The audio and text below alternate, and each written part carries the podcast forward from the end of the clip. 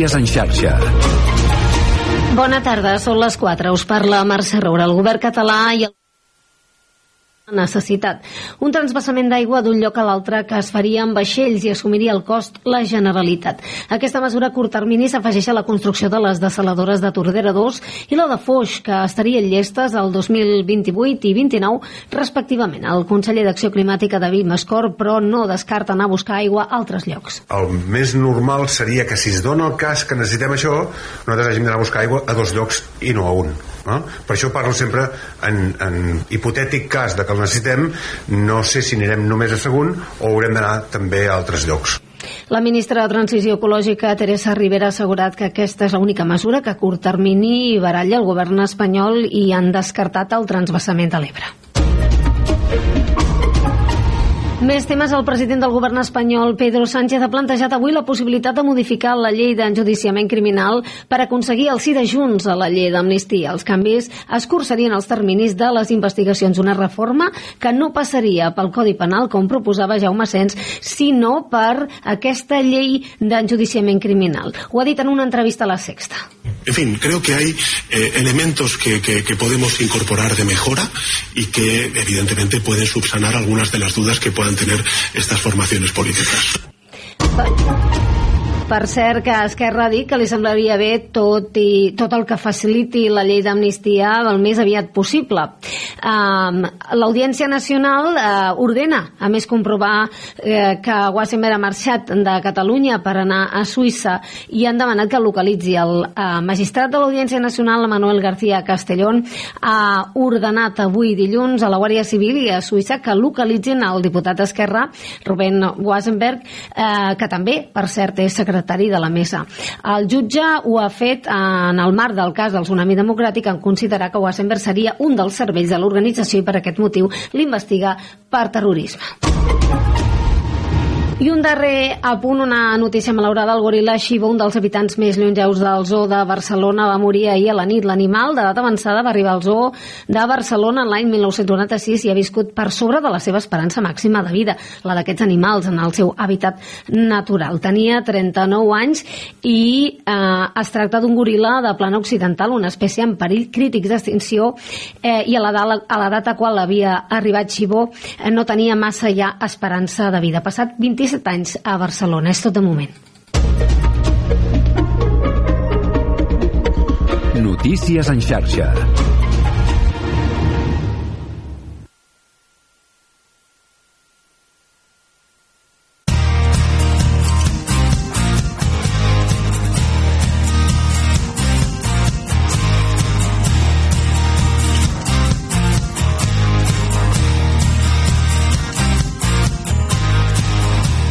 Carrer Major, un programa de ràdio Ciutat de Tarragona, Altafulla Ràdio, Ràdio Montblanc, Ràdio La Selva, Ona La Torre, la nova ràdio de Reus, Ràdio Hospitalet de l'Infant i Baix Camp Ràdio en col·laboració amb la xarxa de comunicació local.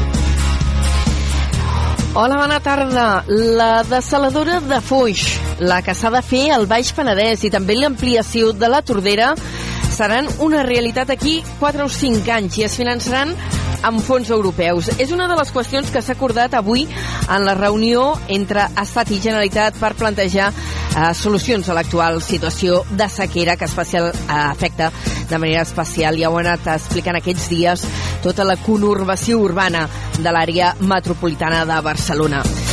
Aquestes desaladores encara tardaran 4 o 5 anys en arribar i, per tant, la solució immediata serà portar aigua des d'una altra desaladora. Aquesta, però, no està a Catalunya, està segon al País Valencià. I en aquesta reunió que hi ha hagut avui entre Estat i Generalitat s'ha dit com es farà si s'arriba a necessitar aquesta aigua eh, de segon.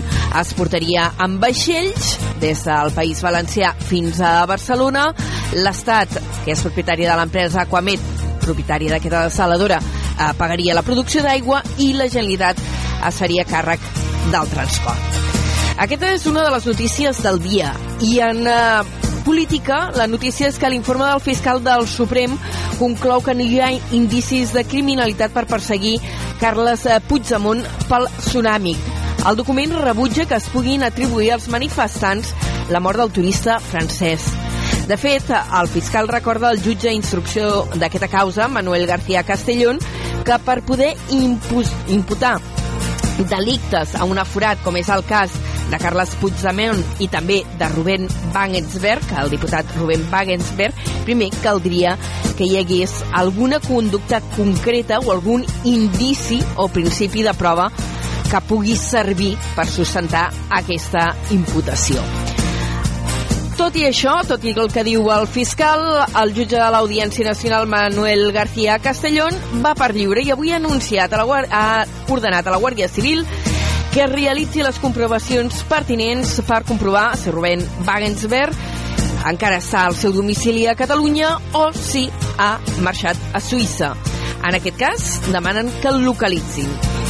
I a l'Audiència de Barcelona avui ha començat el judici eh, contra Alves eh, per aquell suposat cas d'abús sexual. La seva defensa havia demanat que se suspengués per la vulneració de drets al seu client i pel judici paral·lel diu que ha patit. La jutge que ho porta ho ha desestimat, ha començat la vista oral i entre les persones que han declarat ja avui en la primera sessió hi ha l'amiga de la denunciant eh, que assegura que el futbolista va estar babós, ha utilitzat aquest eh, terme des del moment que les va conèixer. Això és carrer Major. Ara hem apuntat notícies d'àmbit general, però de seguida entrarem a analitzar tot allò que és d'interès pel nostre territori. Us acompanyem tot l'equip que fem aquest programa. Són vuit emissores del Camp de Tarragona amb el suport de la xarxa. Us acompanyem l'Iri Rodríguez, l'Aleix Pérez, en David Fernández, la Gemma Bufies, la Cristina Artacho, l'Adrià Requesens, en Jonai González, en Pau Corbalan, l'Antoni Millado, Antoni Mateus, jo mateixa que sóc l'Anna Plaça i el Diago Moreno, el control tècnic. Comencem. Carrer Major, Anna Plaza i Jonai González.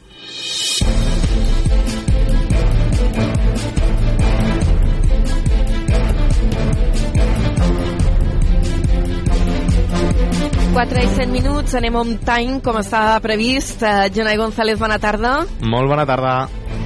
Anem a analitzar les notícies del dia. De moment les apuntem amb una pinzellada en forma de titulars. Avui destaquem per començar que la desaladora del Foix, al Baix Penedès, i l'ampliació de la Tordera seran una realitat entre 2028 i 2029 i es finançaran amb fons europeus. És una de les qüestions que s'han acordat en la reunió d'avui entre l'Estat i la Generalitat per plantejar solucions a l'actual situació de sequera que afecta especialment tota la conurbació urbana de l'àrea metropolitana de Barcelona. L'alcalde de Tarragona ha dit que no vol ni sentir parlar de la proposta de l'Ajuntament d'Altafulla de canviar els límits del terme municipal. Recordem que el municipi d'Altafulla demanarà moure la línia divisòria entre les dues poblacions per guanyar 70 hectàrees fins a arribar al riu Gallà. I a Salou avui s'ha aturat el desnonament d'una família a qui Immocaixa no ha renovat el contracte de l'habitatge protegit. La comitiva judicial ha ajornat el llançament fins al mes de març davant la concentració d'una seixantena de persones. Reus destina més de 250.000 euros en ajuts a empreses durant l'any 2023. Aquestes tenen l'objectiu de crear i mantenir llocs de feina que aportin una qualitat laboral. El pressupost de l'Ajuntament de Torredembarra per enguany pujarà a 27,6 milions d'euros. Es tracta d'un increment del 15,3% respecte als comptes presentats l'any 2023. Coll de Jou dona els 80.000 litres d'aigua de la seva piscina municipal que estan obres a Vilanova d'Escornarbou. L'aigua va arribar ahir al municipi i es va dispositar a una bassa de l'agrupació de defensa forestal. I avui també toca fer crònica esportiva. El Nàstic signa una victòria amb dos gols en dos minuts a Zubieta, al camp de la Reial Societat B. En hoquei patins, el Reus Deportiu va guanyar l'Alcoi per 6 a 5 i a l'Ale Plata una victòria pel CBT i una derrota pel Club Bàsquet Salou. I entre els carnavals més importants del territori, el de Tarragona, que ha començat a caminar ja aquest cap de setmana i ja té guanyador el primer premi. Es tracta de la Disfressador, que ha donat a la comparsa Disc 45 aquest primer premi de la Disfressador. Moltes gràcies, Jonai. Ara hem fet un apunt en dos minuts, després ampliarem totes aquestes notícies. Fins ara. Fins ara, adeu. Adeu.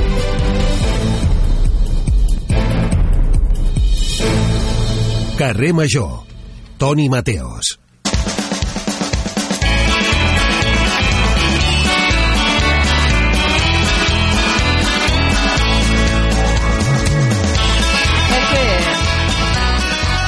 Aquí a la selva també de carnaval aquest cap de setmana. Hem Ja heu començat, també, eh? Sí, és que aquí a la selva són molt llestos. Els salvatans i salvatanes ho fan una setmana, abans. una setmana abans, fan el de la selva i després Ah, moltes clar, coses sí. baixen a Reus. Ah, evidentment. Per això, aquí al Baix Gaià tenim el cas de la Pobla, de Montornès, que és un poblet uh petit que hi ha aquí a tocar de Torre d'Embarra, i també hi han començat, i han fet la seva rua, i així aquest dissabte podran anar a la macrorua de Torre d'Embarra. Veus que bé? Doncs aquí ja, ja hem passat la rua i disfresses amb molta mala llet, eh? Sí? Sí, Què has hi havia vist? He vist uns que, que hi anaven de policia local Sí? i es deien eh, Rosa Percal. Toma ja.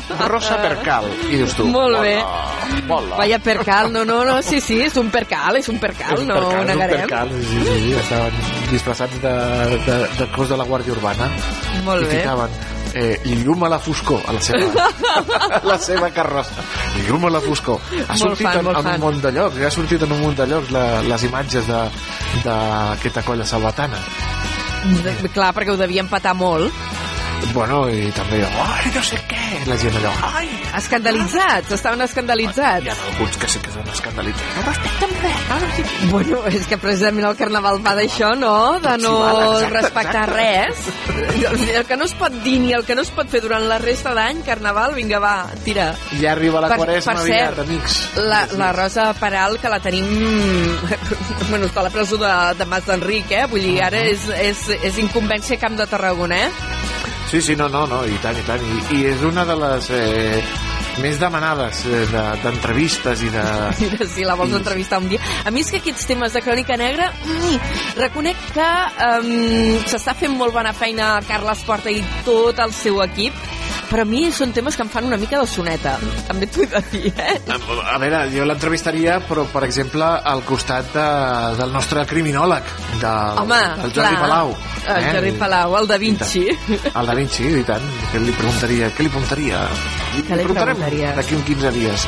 Què li preguntaries a Rosa Peral? D- No ho sé, jo vaig seguir el judici així una mica en la distància i perquè ja dic que aquests temes m'acosten i, i era allò de no estic entenint res i tinc la sensació de després del judici, després de la condemna, després és allò de s'ha aclarit alguna cosa? Mm, S'ha complicat S'ha aclarit alguna cosa? Bueno, mira, Mira, Netflix, mira Netflix, que s'han fet d'or. S'han fet d'or amb, la, amb la sèrie de El cuerpo en llamas. Molt bé. Ai, no res. Eh, Toni, què, què, què, què farem avui a partir de les 5?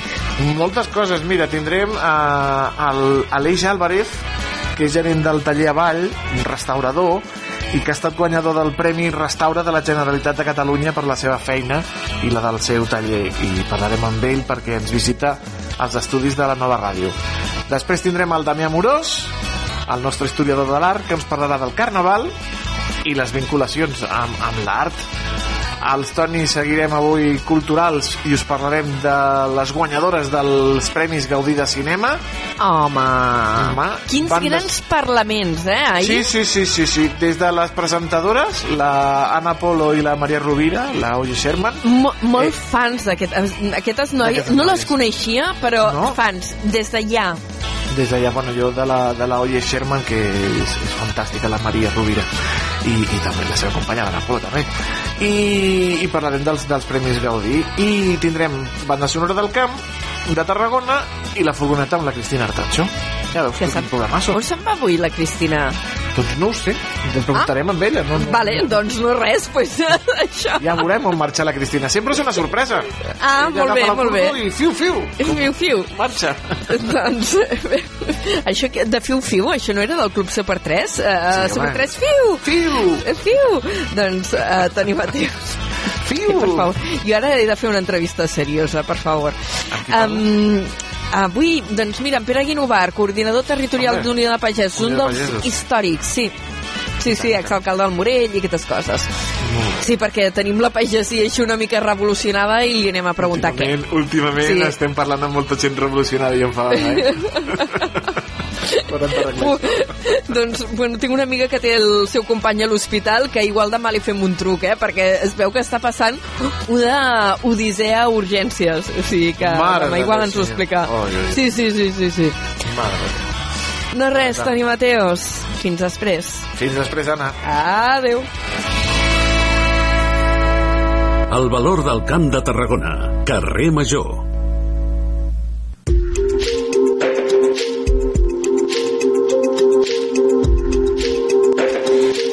Quart de cinc de la tarda i és el moment d'encarar la primera entrevista d'avui del programa. Ara ho comentàvem. El nostre primer convidat d'avui és en Pere Guinovart, coordinador territorial d'Unió de Pagesos. Senyor Guinovart, bona tarda, benvingut. Molt bona tarda.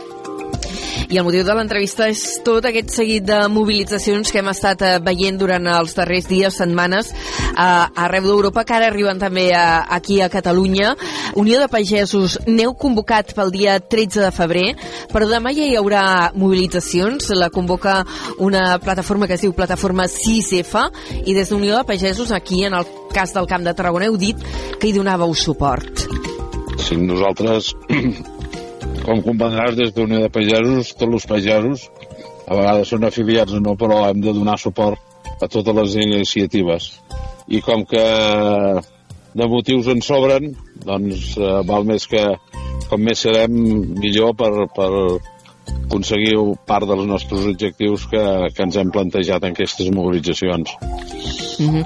eh, participareu demà hi ha previstos en el cas de, del nostre territori en el cas del Camp de Tarragona eh, hi ha previstos talls eh, a l'altura de Montblanc eh, també a l'Alt Camp a Vilarrodona em sembla recordar a memòria Sí, marxes sí. lentes a Mora la Nova i sereu presents també?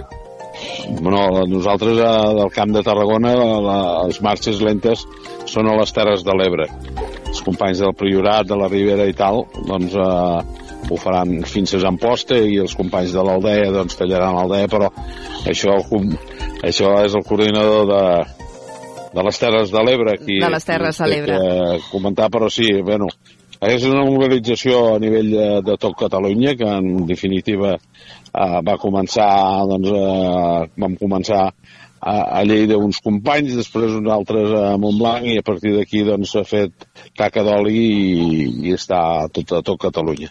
Vol dir que demà serà un dia un dia per, per la ciutadania que ens trobarà en qualsevol lloc. Um, aquesta mobilització, aquesta plataforma 6F, uh, sorgeix una mica al marge de, dels sindicats agraris? Perquè estem acostumats a, a veure no? que des dels sindicats agraris, eh, des de Unió de Pagesos, des de la JAR, que organitzeu doncs, mobilitzacions de tant en tant, però clar, aquesta vegada sembla com una mobilització autogenerada. Bueno, és una mobilització que neix d'una plataforma del descontent que hi ha general i que a vegades doncs, eh, els sindicats entonant la meva culpa a vegades no sabem no sabem que, captar lo suficient o, a, a la situació de, del nostre sector no? i el Camp de Tarragona no ha passat mai el Camp de Tarragona venim venim de moltes mobilitzacions, Unió hem fet moltes mobilitzacions, però no hem tingut cap dubte quan els companys de la Conca, companys d'Unió de Pagesos i companys que estan a, a, al col·lectiu de, de l'Assemblea ens van demanar per, per tirar endavant aquesta mobilització. Hem de fer aquesta, ens hem de concentrar pel 13 al Port de Tarragona i Ara ens hem de concentrar pel, i ens hem de concentrar pel 20. No vol dir que d'aquí al 20 no hi hagi cap altra mobilització o no vol dir que el 20 s'acabin les mobilitzacions. Anem cap al dia 13, perquè demà hi ha aquesta primera jornada de protestes eh, eh, convocada per aquesta plataforma eh, 6F, que es veurà amb talls i marxes lentes en molts punts de tot el territori català. Hem comentat una mica quins seran aquí a la zona del Camp de Tarragona i també Terres de l'Ebre. Eh, però Unió de Pagesos heu convocat mobilitzacions al país el dia 13 de febrer i quan vau fer la presentació d'aquesta mobilització ja dèieu que aquí al Camp de Tarragona es concretaria basant a, a la zona del port. Què hi passarà? Bé, doncs eh, anirem a intentar que la zona del port eh, per realitzar-la durant, durant el dia 13. Eh, no, jo sempre dic quan fem una mobilització eh, té un objectiu, eh, l'objectiu d'aquesta mobilització és que el port de Tarragona és on té entre tot el cereal de Catalunya i part de- d'Espanya, que el cereal ve, ve de la importació, que els preus del cereal estan, estan rebentats, estan a 20 cèntims, que venim de dos anys de sequera de sense producció, i aquest, eh, de motius ens en sobren, com diem nosaltres, eh, per allí entre la fruita, fruita doncs fresca no, però la fruita les taronges i tal entren pel port de Tarragona, les avellanes turques entren i les ametlles americanes entren pel port de Tarragona, pel port de València, i nosaltres eh, des d'aquí al Camp de Tarragona tancarem el port de Tarragona els companys de València al, al port de València. Uh, perquè precisament uh, aquesta, aquesta importació de productes agroalimentaris de, de països tercers és una de les qüestions que ha generat el malestar que ha derivat en tota aquesta onada de mobilitzacions que ara veiem que arriben aquí a Catalunya però que fa setmanes uh, que duren a, a França, que ara hi ha hagut com un principi d'acord amb el president de la República i que han arribat fins a Brussel·les. És una de les qüestions que inquieta més no, la pagesia? El, el, el motiu que, que ens engloba tota Europa ha sigut l'aprovació de la PAC, de la Política Agrària Comuna, que fa un any que es va aprovar, i que aquesta política agrària comuna, els, els, els del sur, perquè ens entenguem, doncs ens afecta moltíssim, no, i, no, més que els del nord. I no és comuna perquè uns tenen unes preferències i els altres en, en tenen unes altres. Aquesta PAC eh, ens obliga a fer un, un KIE, que és com si diguéssim una, una llibreta on hem d'apuntar tot, cada dia on anem a treballar, quins productes gastem, quina, eh, i és un, un treball burocràtic que, que ens incomoda molt al sector agrari, però no és tan sols aquest treball, sinó que la pròpia administració, tant espanyola com catalana, eh, la burocràcia que han implantat al camp és, eh, és per fer posar nerviós a tothom i una, una de les parts importants de la nostra mobilització és aquesta. La segona important és que els costos de producció eh, ens han augmentat un 40%. Hem de parlar de, de, dels adobs, hem de parlar dels fitosanitaris, hem de parlar del gasoi, hem de parlar de l'electre, un increment d'un 40% als nostres productes que no repercuteix i després eh, el que ens ha crispat del tot és que en el marc de, de la cadena alimentària que nosaltres el que demanem és que no es pugui comprar cap producte per sota dels preus dels preus de cost, doncs aquesta llei a l'estat espanyol no l'acaben de fer i això és el, el que ha rebentat. Si nosaltres eh, tinguéssim una cadena alimentària que se'ns pagués el justi preu de, dels nostres costos i el nostre treball, eh, doncs, eh, doncs no hauria, entenc jo, no, no hauria crispat tant el sector, però tot això sumat, més el tema de la fauna cinegètica, amb el tema de, de tota la fauna a nivell de Catalunya i la seva problemàtica en el sector agrari, doncs tot això ho poses tot junt i això ha fet rebentar l'olla.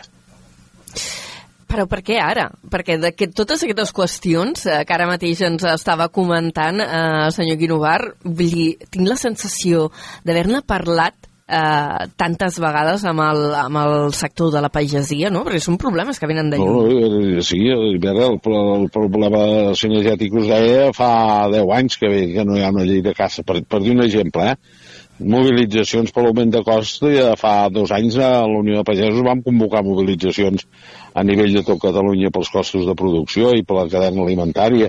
No, la Unió ja hem anat anant fent, però al, al final el que també ha fet bullir l'olla és que les respostes són tan lentes i arriben tan tard, tan tard que tenim joves incorporacions que s'han fet eh, per continuar el sector agrari, lamentablement és un compromís de 5 anys i els 3 anys han de plegar perquè no es guanyin la vida. I si el territori, si el territori no som capaços de que hi hagi joves que el conreïn, el despoblament va cada vegada a més, però després, quan hi ha un incendi, ens demanen els tractors perquè vagin a fer tallafocs a, a les zones perquè es pugui parar aquell incendi. I, en canvi, no hi ha unes polítiques de protecció de, de la pagesia i del món rural eh, en concret, que som els que mantenim tot, tota la Catalunya que volem equilibrada, que som els que ho mantenim i que no, no tenim resposta per part de les administracions, any darrere any, si no la despoblació no hi hauria sigut tan intens com ha sigut, i al final doncs dius, bueno, en, ens queda la sequera també ens acompanya, dius, bueno, ja no queda res, vol dir que, que d'aquí eh, en dos anys podem veure un debacle de- d'aquest 1% de població activa que queda al camp que no, no pugui continuar. I Eh, per, això, dos pre- per això ens ha, ens ha fet eh, anar de mobilitzacions, però a veure, nosaltres vam tallar la CLH també, eh? I, hem, Sí, i hem, sí. vam estar a, a Repsol fa un any, eh? Vull dir, eh, a Repsol pel, pel tema dels carburants i hem continuat mobilitzant. El que passa que ara, generalment, tots ens hem posat d'acord per mobilitzar cada un eh, amb el color que pugui pensar, però que, que tots hem de mobilitzar perquè això ja n'hi ha prou. Um, li volia preguntar dos cosetes més. Una, uh, una qüestió que ha comentat de, sobre la política agrària comuna, sobre la PAC europea, que diu que ens tracta diferent als països del sud al, als del nord i que ens sortim perjudicats. Per què? Bé, perquè ells, per exemple, tenen una pluviometria que no tenim nosaltres. D'entrada, eh, amb el Ok. tema del cereal. El, els cerealistes d'ells no, no, no tenen res, res a veure amb nosaltres. El tema de... que ens perjudiquen més? El, el tema de, de la burocràcia, ells encara no ho han aplicat en aquests moments perquè eh, quan se va aprovar la PAC se li va als estats membres el tema va dir que, que, ho, apliqui, que ho anessin aplicant i nosaltres a Espanya, com que som més llestos i més savis, eh, en, enguany ens volien aplicar el que era el KIA, el KIA del, del llibre de la burocràcia que en dic jo, ja ens el volien aplicar. Hem, hem aconseguit una demora, però el que hem d'aconseguir que, que això desaparegui de- en el marc de la burocràcia que ja tenim.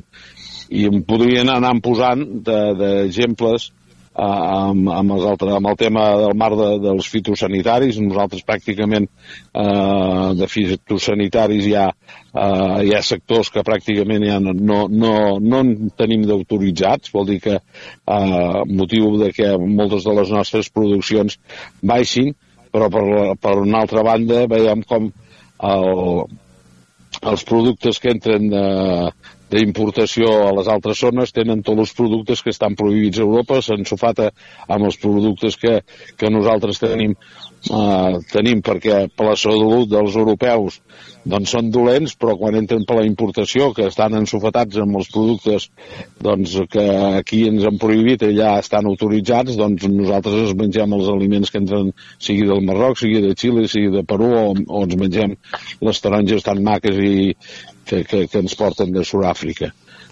Uh, Però a vegades no, no, la que, seva traçabilitat no, no és igual que la nostra.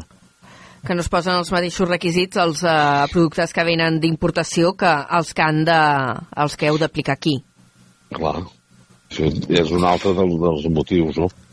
Uh, Bé, podríem estar que... parlant molta estona, però... Ja, Jo, jo li volia preguntar també una mica pel, pel tema del relleu generacional, no? que, que parlava de les dificultats que hi ha que amb aquests plans d'incorporació eh, de nous pagesos no? que fan aquests contractes de 5 anys, eh, molts se'n cansen pel camí, eh, però com està el, el procés? Hi ha gent interessada en incorporar-se al sector a, agrari o, o realment estem Home. Home. cap a caiguda i hi ha una falta real de en, relleu en generacional? el model que tenim és impossible que cap jove vingui. Val? El model d'incorporació que tenim a Catalunya, eh, que és el model de que et donen un ajut de, de X quantitat en funció... Primer has de fer les inversions, tens que fer un crèdit i, i, i has de demostrar que aquella inversió els has fet perquè et paguin, te paguen al cap de dos anys un cop t'han aprovat el teu pla i d'aquesta manera i amb uns preus enfonsats com estan és impossible que els nostres pagesos doncs eh, puguin continuar o s'hi puguin incloure. Nosaltres diem que per part del govern o hi ha unes polítiques de incorporacions de jovens, de jovens, siguin jovens que tinguin en terra o som, siguin urbanites, que tinguin la possibilitat de, de vindre al món rural i se'ls mima, se'ls mima perquè puguin guanyar-se la vida, o del contrari, no, no hi pot haver cap jove que vingui a treballar al camp. I aquesta és la realitat, el, el, el, el canvi generacional pares i fills, els, els fills quan, quan veuen que nosaltres no ens Ja, ja. Eh? Bueno, jo pre- pregunto venint de, pare, de, de família de pagesos, també, clar, jo, mm, filla única, no. vull dir, no, no he seguit la tradició, vull dir... És... No, però vull dir que Sí, com sí. li podem demanar a un, a un jove que continuï que continuï quan tots els seus amics pleguen el divendres a la tarda i nosaltres divendres, dissabte i diumenge molt, a l'estiu hem, hem de treballar i clar, amb aquesta societat que s'ha creat i si més a més no guanyes la vida és pitjor i aquí al Camp de Tarragona ho tenim molt malament, molt malament perquè el sector de la fruita seca porta dos anys de, de, de sequera, mm, de, de sequera, on se'ns moren els arbres, on eh, els companys de, del Ciurana Riu de Canyes doncs, no, no poden regar, no, no han tingut dos anys sense collita, eh, se'ls hi estan morint els arbres, s'estan morint els arbres fruit, fruiters, perquè eh, aquí ens agafa tots els pantans del Camp de Tarragona buits, i clar, un, dos anys d'aquestes característiques, un tercer any és impossible d'aguantar-lo. Doncs no és per desanimar-lo, però molt bé, no pinta l'any i, i a més van dir que el projecte de, uh, de reprofitament de l'aigua de, de la depuradora de Reus no sa, em sembla que no estarà llest encara aquest estiu, o sigui, serà, si no plou serà un altre any complicat. Nosaltres, si, eh, si abans del final d'aquest mes eh, no, no se'ns contesta que es declara lo de l'aprofitament de les aigües i et fa una, allò que diuen, no sé com la dieu, una notícia que no l'he dit, una exclusiva. Sí. Eh? Si d'aquí a final, a final de mes no es declara per part del govern de la Generalitat, que només és el govern de la Generalitat qui ho pot fer, que aquesta obra passar-la a una obra d'urgència, te dic jo que arderà Troia. Doncs demà comencem amb mobilitzacions, el dia 13 hi ha una altra jornada i doncs, si ha d'haver Troia ja ho explicarem també i ens anireu explicant la, les coses que convoqueu. Senyor Guinovar, moltíssimes gràcies per atendre avui el, la trucada de Carrer Major. Gràcies a vosaltres. Fins la pròxima. Adéu. Adéu. Carrer Major és proximitat.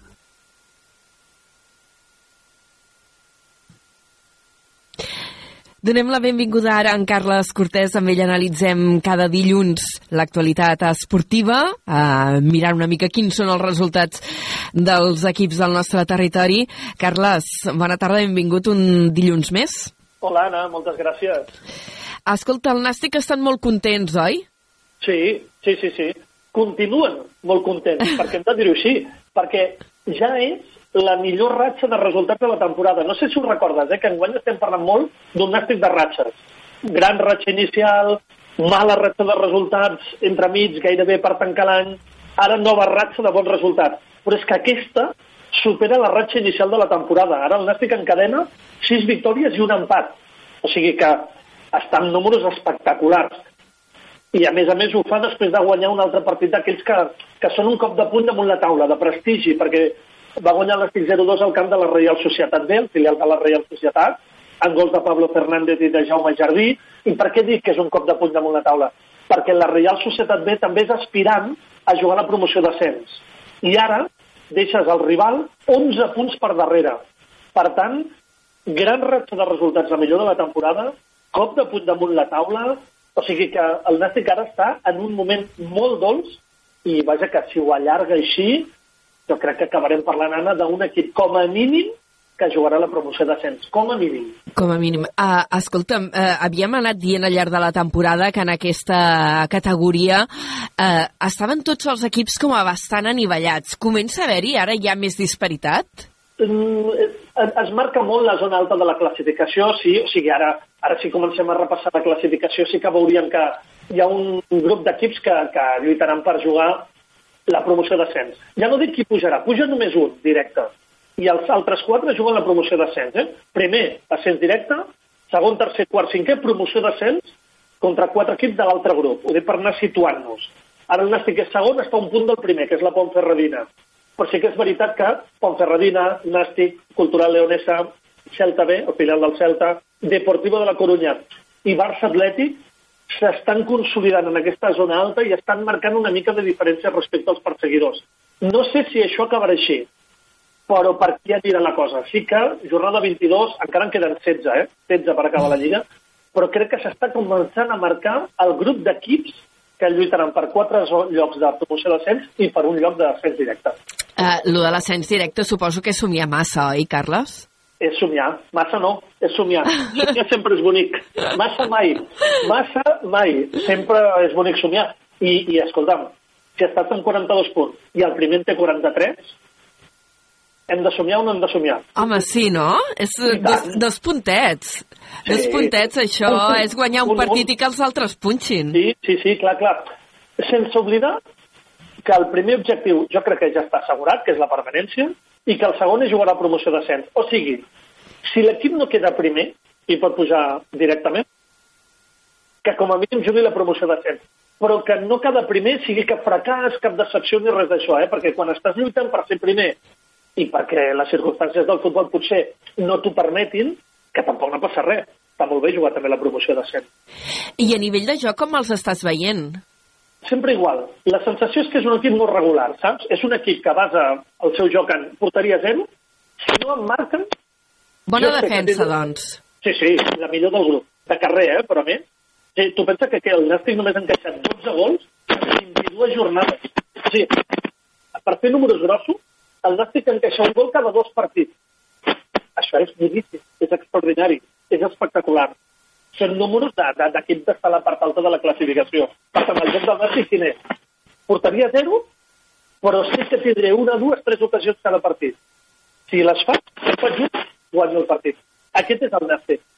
Segur defensivament i aprofitar les poques ocasions que tingui ofensivament, perquè tampoc no és un equip superofensiu, d'aquells que té 25 ocasions cada partit, que juga molt bé a futbol tocant la pilota, no. Juga a futbol al futbol que li agrada jugar. Uh, més qüestions. Canviem de... Canviem... No, anava a dir d'esport, no, però si vols repassem una mica el resultat de, dels altres equips del territori que juguen a, a tercera de federació. Mira, ràpidament, el Reus va perdre a casa 0-1 contra el Vilafranca. Resultat sorpresa, deixa'm-ho dir. Vilafranca, equip de zona baixa, el Reus aspirant a promoció d'ascens, sorprenent. Derrota a casa del Reus, que queda a dos punts de la promoció. I La a casa, va- eh? Sí, sí, sí. I, i, i, dic sorprenent, eh? Perquè jo, jo pensava que el Reus eh, aquest partit el guanyaria i es consolidaria en promoció d'ascens i no ha pogut fer-ho. Queden jornades, eh? no passa res, eh? però hem de dir que és un resultat sorpresa, ho hem de dir així. Mm. La Pobla va perdre 2 a 1 al camp del líder, de l'Olot, però guanyava 0-1 fins al minut 85. I en Ostres, dos minuts, pum, li van donar el tom al marcador i la Pobla va perdre 2 a 1 al camp de l'Olot. encara La fa més notícia- mal, això. Sí, sí, sí, sí, sí, sí. O sigui, els entrenadors surten contents perquè el seu equip ha donat bona imatge, però, home, l'aficionat surt allò disgustat perquè no has guanyat, aquesta és la veritat. Eh? I, I més quan guanyaves durant 85 minuts de partit. Mhm. Però vaja, no? està a 4 punts de la promoció de Pobla, que jo crec que primer s'ha d'assegurar la permanència, i la Repitem que va guanyar, salvant l'honor dels equips de casa nostra, 1-0 a la muntanyesa, però està encara a 4 punts de la permanència. Pobres. Sí. Aquests anant patint tota la temporada. Escolta, i els que anaven patint i ara sí que canviem d'esport i ara estan sí. més tranquil·lets, són els del CBT. Sí senyora, sí senyora, sí, efectivament, el Club Bàsquet Tarragona, que va guanyar el Gran Canària 82 a 66, i mi, mi, mira si ha anat bé aquesta victòria, la sisena de la temporada, que surt de les zones de descens directe. O sigui, que agafa aire. Important aquesta victòria de la jornada 18. Encara s'ha necessitat com a mínim 4 o 5 victòries per assegurar la permanència, però el camí l'està llaurant bé. Recordo que a principi de temporada era crític perquè, no sé, ara ho dic de memòria, però crec que van quedar 5 derrotes consecutives per començar i tots pensàvem, ai, ai, ai, ai, ai, ai, ai, ai, ai. Doncs mira, amb el canvi d'entrenador, amb Ricardo Serna, l'equip agafa aire, lluitarà per evitar el descens, això ja ho sabíem, però com a mínim ara, gràcies a aquesta victòria, surt de les zones del descens directe. El que també és sorprenent és el resultat del Salou. Què li ha passat al Salou? És que va perdre de 26 punts Oh! a la pista d'un rival directe. Quin mal! Clar, tu pots perdre, tu pots perdre un partit. Això és el món de l'esport, pots perdre, evidentment. Però clar, perds contra un rival directe i de 26 punts. Mm, derrota dura, derrota dura. Salou està cinquè a la classificació, zona tranquil·la, però, però derrota dura, derrota dura que has d'intentar refer la setmana vinent a casa contra un altre rival directe, que és el Benicarlo. A veure si diumenge l'equip de Jesús Muñiz es refà d'aquesta duresa i guanya un rival directe. Escolta, parlant de ratxes, no? Mm, Dic que el Nàstic ara està encadenant una ratxa meravellosa, però el Salou, que havia anat així bastant bé tota la temporada, ara portem unes setmanetes que... No, tampoc no ha tingut ratxes de victòries consecutives, eh? però el Salou ha sabut trampejar molt bé l'inici de temporada. Va canviar completament la plantilla, la temporada passada va patir per aconseguir la permanència, bé, la va aconseguir el despatxo, um, i sabia que havia de canviar tota la plantilla per, per, per assegurar-se la permanència. La va canviar, i és un d'aquests equips que guanya, perd, guanya, guanya, perd, perd, guanya, guanya... O sigui, no ha estat un equip de grans ratxes com el Nàstic. És un equip de guanyar, perdre, guanyar, perdre, guanyar, perdre i saber trobar aquest equilibri que et porti a la permanència. Mm. Escolta, i un altre equip que estan tranquils eh, és el Valls, que ha tornat a guanyar. Sí, a, a, a mi lo del Valls em fot ràbia, perdó, eh? Ai, per què? Sí, no, perquè guanya, guanya, guanya, guanya. De fet, porta 13 victòries en 17 jornades, 13 victòries, 4 derrotes. Aquest cap de setmana ha guanyat a la pista de l'Espanyol, de 9 punts, 76-85, guanya, guanya, guanya, guanya, però és que els dos primers també guanyen. Ja. També és mala sort que l'equip de la Bisbal porti 16 victòries i només una derrota, i el Mollet 15 i dues. I, i el Valls és allò de dir, ostres, està fent una gran temporada, està guanyant, està guanyant, està guanyant, està guanyant, i no hi ha manera de retallar amb els dos primers classificats. Ja, o sigui, estan tots molt regulars, no? I, I... I, per això et dic ara que a mi em fot ràbia, perquè fas una gran temporada, però és que els altres estan en un nivell espectacular. Això és el Lliga EVA. Eh, hi ha possibilitat... Aquí com funciona? També hi ha un play-off d'ascens entre els quatre primers classificats? Els dos primers, dos primers. Dos, els només. primers. Per això et dic que el Valls és tercer, 13 victòries, 4 derrotes, gran temporada, però és que els dos primers estan imparables, fixa't. Uau. El primer està a 3 victòries, 16 la Bisbal, 13 el Valls, i el segon en té 15, està a dues victòries. I, I no paren de guanyar, i no paren de guanyar, i no paren de guanyar. I És a dir que-. Tot, tot i aquests bons resultats, de moment ho té una mica complicat, no? Per situ... Clar, Home, ha de guanyar els duels directes, d'aquí em sembla dues o tres jornades, ara ho dic de memòria, crec que juga contra la Bisbal, per tant, estàs obligat a guanyar, obligat, i quan jugues contra el Mollet, estàs obligat a guanyar. Per què? Perquè si no, no retalles, no hi ha manera de retallar. No, no, és que no et pots eh, permetre una relliscada, no?, amb aquests resultats. No pots respirar. Anna, aquí no... el Valls de Bàsquet, insisteixo, fent una gran temporada, és que no pot ni descansar allò de dir, bueno, va, em puc permetre el luxe de perdre un partit. No, no pot, si vol jugar al playoff d'ascens, eh? L'altra cosa és que diguis, no, mira, permanència assegurada ja ho tenim tot fet. Però si vols jugar al playoff d'ascens, no et pots permetre ni una mica de descans. Carles, que ens enrotllem sempre moltíssim. Sí. Anem... No, no, no, no, no, és una crítica, a mi m'agrada, eh? Però després d'allò de que pateixo su. Um, passem a l'hoquei. Uh, respiren tranquils, no, els equips? Bona notícia. Bon Sí. sí. cap de setmana. Ens agrada. Bé, han guanyat els dos. D'un gol, però han guanyat el Calafell a Lleida, 3 a 4, i el Reus davant l'Alcoi, 6 a 5. A més, el Reus davant d'un rival directe, perquè l'Alcoi estava empatat a la classificació. Per tant, ve el Calafell, tercer, 28 punts, tercer, i el Reus agafa aire, després de les derrotes de les últimes setmanes, 25 punts. Per tant, el Reus està a 3 punts del tercer classificat. Bé, els dos primers juguen aquest vespre, que és Barça-Noia, partit aquest vespre. I ja vam dir que aquests dos primers, Barça-Noia, estan en una altra dimensió, Mira. no? Mira, Anna, apunta a l'agenda. Diumenge, Sí. dos quarts d'una, no hi ha Reus. Si el Reus guanya sense dormir, jo crec que encara hi ha opcions que el Calafell o el Reus puguin estirar el segon lloc. Però, això sí, el Reus hauria de guanyar la pista del Noia diumenge vinent a dos quarts d'una. Buah, doncs vinga, va, dilluns Clar. vinent m'explicaràs què ha passat. Ai, per cert, que dijous es juguen entre ells a la Champions, eh? Al Palau d'Esports del Reus, Reus-Calafell, cinquena jornada de la Champions League. El Reus, eliminat, o sigui, no té res a fer, no pot passar. El Calafell, si guanya, estarà viu per poder entrar als quarts de final de la Champions. Doncs a veure, si hi ha sort mm, pel Calafell, bàsicament perquè ja ho vam dir, el Reus ja, ja havia quedat eliminat en, en l'últim partit que hi va haver. De fet, tu i jo vam pactar el resultat. Sí, sí, vam dir, pobrets, home, ja el, el Reus de perdidos al río, no?, que diu la, la frase feta, doncs que guanyi el Calafell.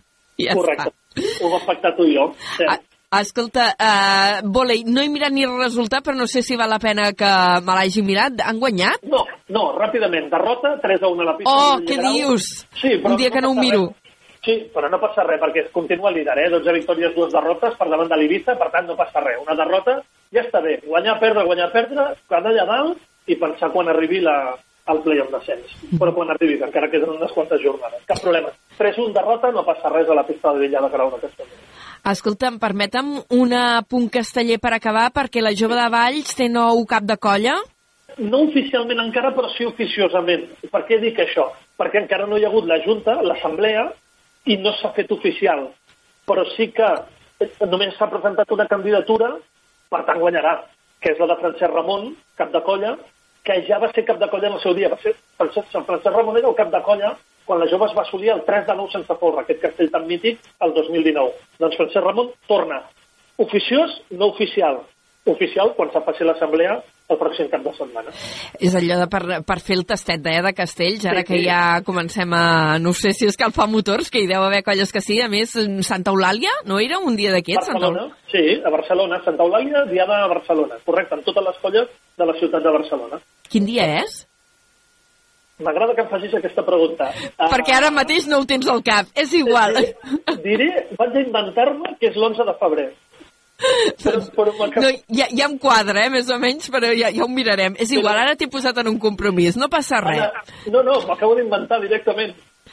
D'aquí no res, Santa Eulàlia, i, i ja hi ha castells a Barcelona. T'ho confirmo. Diumenge 11 de febrer, 11 del matí, plaça Sant Jaume de Barcelona. Doncs vinga, va, per la gent que tingui ganes de, de castells aquest diumenge, que agafin el tren i se'n vagin no, a la plaça.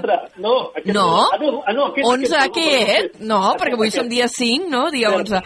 Ai, per favor, mira, hem acabat fatal, eh? Vull dir que no sabem ni en quin dia vivim, Carles. Aquest diumenge, perdó, aquest diumenge Santa Eulàlia, a Barcelona, correcte.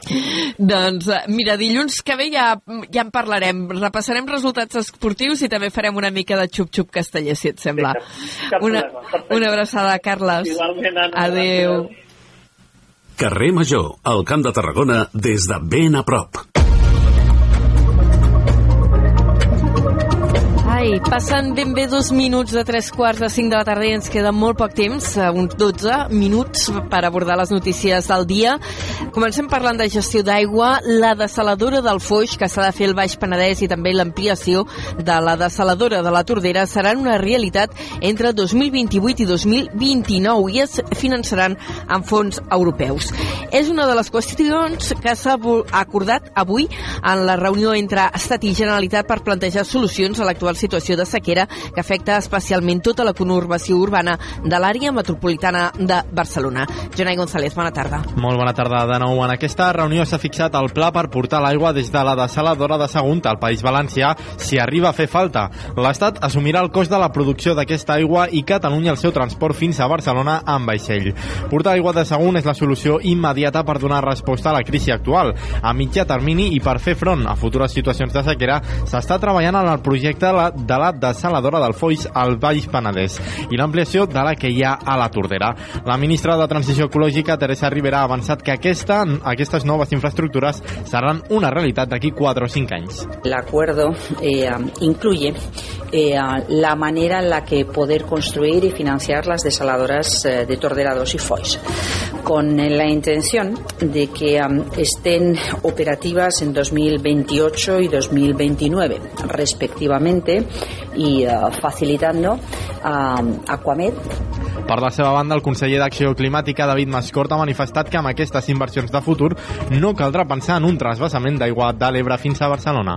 Amb les inversions plantejades, les dues desaladores, l'aigua regenerada i la recuperació del riu Besòs, generarem més de 200 hectòmetres cúbics més, nous, que sumats als més de 200 que generem fan més dels 400 que avui consumeix la regió metropolitana de Barcelona. Per tant, no cal portar aigua amb un trasbassament de l'Ebre. L'ampliació de la desalinitzadora de la Tordera i de la construcció de la del Foix es pagaran amb fons europeus, però el cost acabarà repercutint a la factura dels usuaris. El novembre passat, Rivera va anunciar que el govern espanyol destinaria 435 milions d'euros a tirar endavant amb dues infraestructures. I avui recollim mm, reaccions de l'alcalde de Tarragona que ha dit que no vol sentir ni parlar de la proposta formulada per l'Ajuntament d'Altafulla per canviar els límits del terme municipal. Recordem que Altafulla demana moure la línia divisòria entre les dues poblacions per guanyar 70 hectàrees fins a arribar al riu Gaià.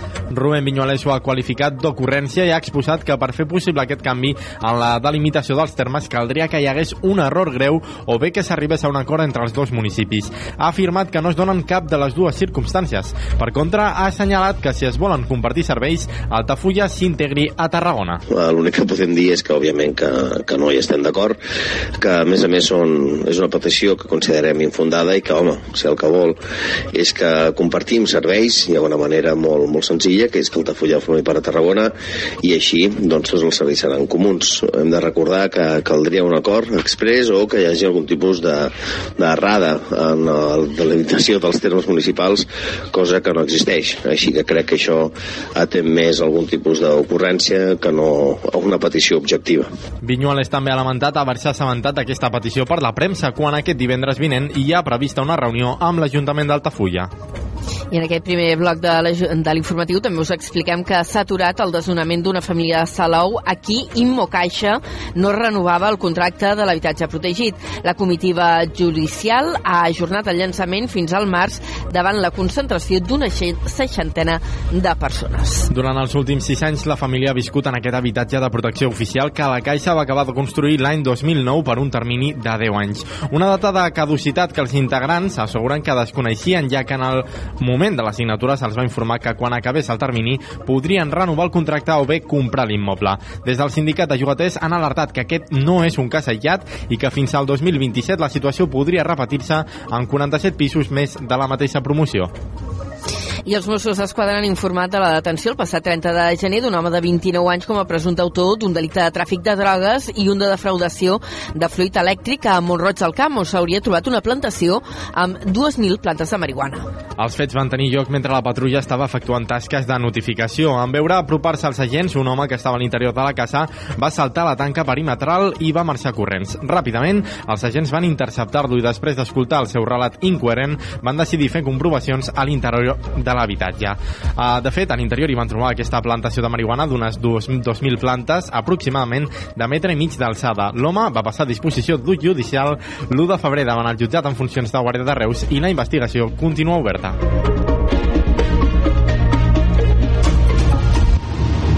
Entrem en crònica local. Reus destina més de 250.000 euros en ajuts a les empreses.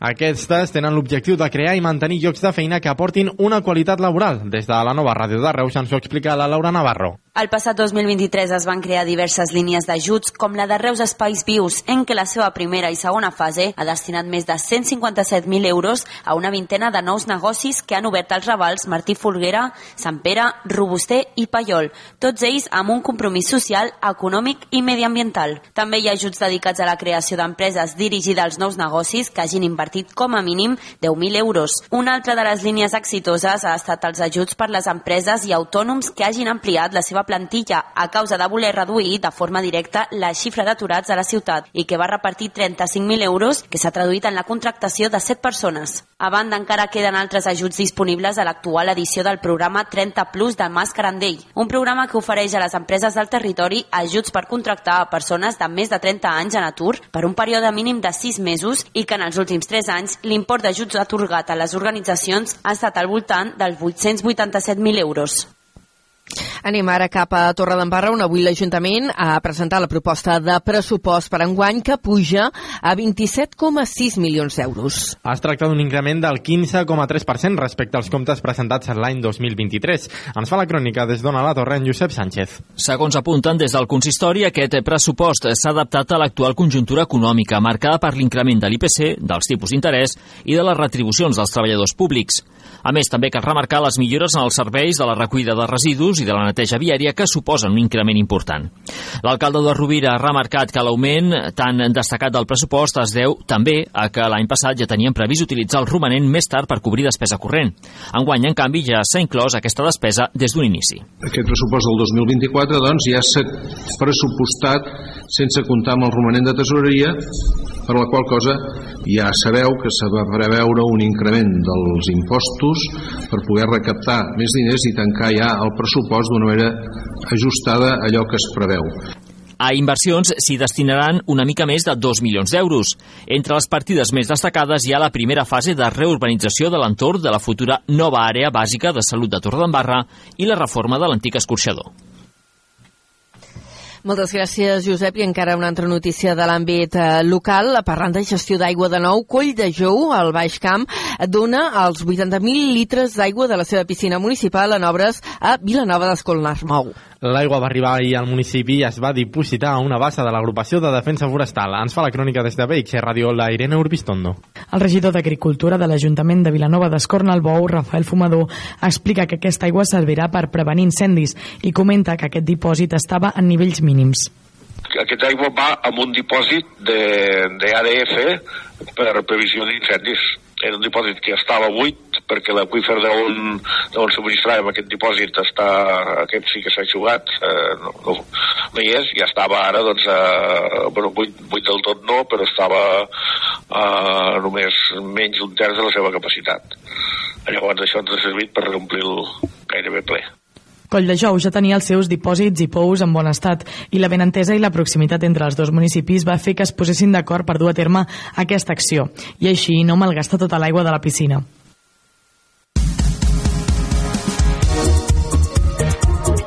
Anem als esports en format molt breu. El Nàstic signa una victòria amb dos gols en dos minuts a Zubieta, al camp de la Reial Societat B. Amb aquest resultat, els granes segueixen segons a la classificació per darrere de la Pontferradina.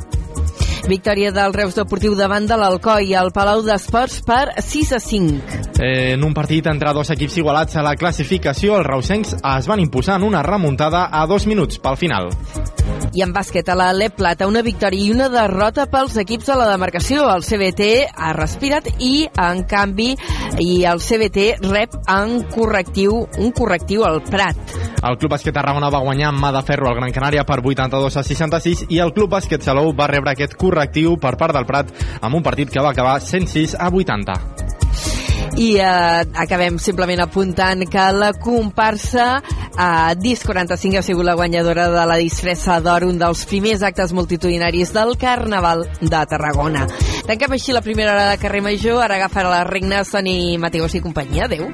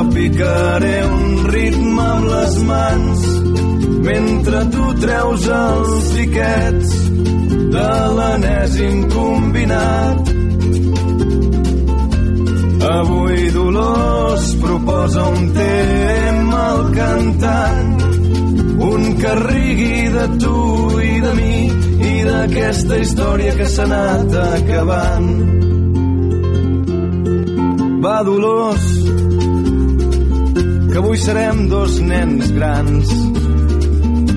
Res de tonteries, res de ser especials un, dos, tres. Un, dos, tres, xa, xa, xa. Te lo punta, te lo punta. I torna a començar. I dolors ningú esperarà cap escena dolça davant cap portal. Ni dolors, cap gran veritat serà revelada quan es faci clar Avui, Dolors, mourem el cos al compàs d'un tambor accelerat gran línia de baix. Avui Dolors proposa un tema al cantant, un que rigui de tu i de mi, d'aquesta història que ja no és important. Un que ens defineixi en tres acords, un que ens expliqui la posteritat, un que conscientment sigui un punt i final dolós.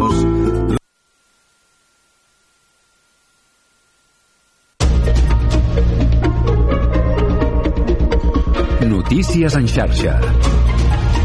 Bona tarda, són les 5. Us parla Mercè Roura. El govern català i el govern espanyol acorden portar aigua desalada de Sagunt aquest estiu en cas de necessitat. Un transbassament d'aigua d'un lloc a l'altre que es faria en vaixells i n'assumiria el cost la Generalitat. La ministra de Transició Ecològica, Teresa Rivera, ha assegurat que aquesta és l'única mesura a curt termini que baralla el govern espanyol. La opción que identificamos como más sencilla, más clara, preparada, técnica y administrativamente es la desaladora de Sagunto. Por tanto, lo que hacemos es trabajar en la hipótesis que, uh, que está más a mano y que es más inteligente utilizar. No, no, no nos planteamos escenarios hipotéticos de otras alternativas que, porque creemos que esta es la, opción más, más eficaz y es la que hemos venido conversando con, con la Generalitat. A mitjà termini també es descarta el transbassament de l'Ebre i aquesta mesura s'afegeix a la construcció de les desaladores de Tordera 2 i la de Foix. I els experts asseguren que aquesta sequera passarà, però avisen que en vindran d'altres igualment de greus. Per tant, el més important, diuen, és que ens prenguem, prenguem a viure amb aquest nou cicle i que quan tornem a tenir aigua n'aprofitem cada gota. La consigna l'ha llançat des del Notícies en xarxa el catedràtic de Geografia Física de la Universitat de Barcelona, Javier Martín Vide. Esta sequía al final acabará, acabará. Pero lo que estamos seguros, de lo que estamos seguros, es de que vendrá otra, llegará otra. Y probablemente llegará otra tan grave como esta en algún momento eh, en la próxima década. Podríamos afirmarlo casi con seguridad absoluta de que nos llegará otra sequía del mismo nivel de intensidad. ¿no?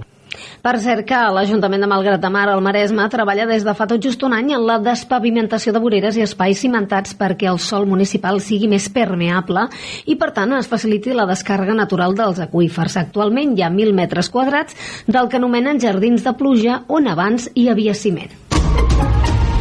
Més temes, un conductor d'un turisme mort en una col·lisió frontal a la C31 a Ventalló, a l'Empordà. Per causes que encara s'estan investigant, dos turismes han col·lidit frontalment i a conseqüència de l'accident, lamentablement ha mort el conductor d'un dels vehicles, un home de 56 anys, veí de Flaçà. Per cert que amb aquesta ja en són 13 les víctimes mortes en accident aquest mes de gener. I un incendi ha calcinat la zona de producció de l'escorxador municipal de Tortosa al polígon del Baix Ebre i ha obligat a aturar l'activitat. El foc ha afectat totalment la zona de producció de l'escorxador i ha col·lapsat el fals, fals sols, sostre. La policia científica n'està investigant ara per ara les causes. Notícies en xarxa.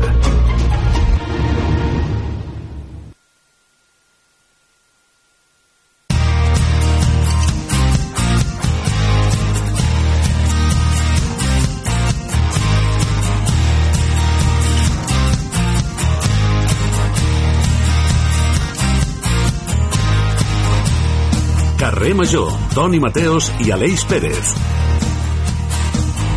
Hola, què tal? En multitud de pobles de l'estat espanyol se celebra la festa de Santa Àgueda. Coneguda per ser la patrona de les infermeres i, en general, la protectora de les dones, les celebracions en el seu honor varien segons la regió. Per exemple, a zones de Castella i Lleó, les dones prenen el poder del poble per un dia, ballen i realitzen esdeveniments només per a elles. A Baracaldo, a Vizcaya, les celebracions comencen la nit anterior. Els veïns surten a cantar vestits de baserritiares i acompanyats de maquiles, que són uns pals amb els quals van colpejant el terra. Àgueda va ser una màrtir siciliana del segle III que va morir verge. La jove va ser empresonada i li van tallar els pits com a càstig per no accedir a casar-se amb el governador Quinciano. Per aquest motiu, per al cristianisme, és la patrona de les dones i de la fertilitat. Com hem dit, les dones manen avui a molts llocs. Hauria de ser així els 365 dies de l'any. Enguany, 366. Per cert, avui és l'aniversari de la meva mare, Àgueda, que és la que m'ha anat sempre a casa. Li fa vergonya dir que fa 88 anys. A mi, gens de vergonya, tot un orgull. Aleix Pérez, estimat, quan és l'aniversari de la teva mare? Toni Mateos, molt bona tarda. Doncs l'aniversari de ma mare és el 2 de juliol que crec que és una data també li agrada molt perquè ella sempre diu que és com l'inici de l'estiu, saps? Quan ella fa els anys doncs té tots aquests mesos d'estiu de, i de, de calor per davant i sí, una abraçada no? a, a les, totes les mares que, que ens escolten i que ens fan més fàcil no? el, el, el dia a dia, és una sort tenir-les Bueno, la meva me complica no, no, és broma, és broma, sap, sap que és broma. 88 anys, nene, què et sembla? déu nhi I com una rosa, eh? Exacte. Baixa cada dia al, al passeig eh, Carrilet, fa la compra, pim, pam, pim, pam. Xerra amb les veïnes. Xerra amb les veïnes, eh, parlen de les coses de la vida, intenten arreglar el món, però, bueno, el món, el món. Som Ràdio Montblanc, on la Torre, Altafulla Ràdio, Ràdio La Selva del Camp, la nova ràdio de Reus, Ràdio Hospitalet, de l'Infant, Baix Camp Ràdio i Ràdio Ciutat de Tarragona, que cada tarda amb la xarxa de comunicació local els hi portem l'alegria a la seva ràdio. Amb el nostre tècnic, en Diego Moreno, que ens cuida com si fos una mare. I jo, Antoni Mateos, que diu visca la mare que em va parir. Benvinguts, amics i amigues de Carrer Major. Un programa de... mare.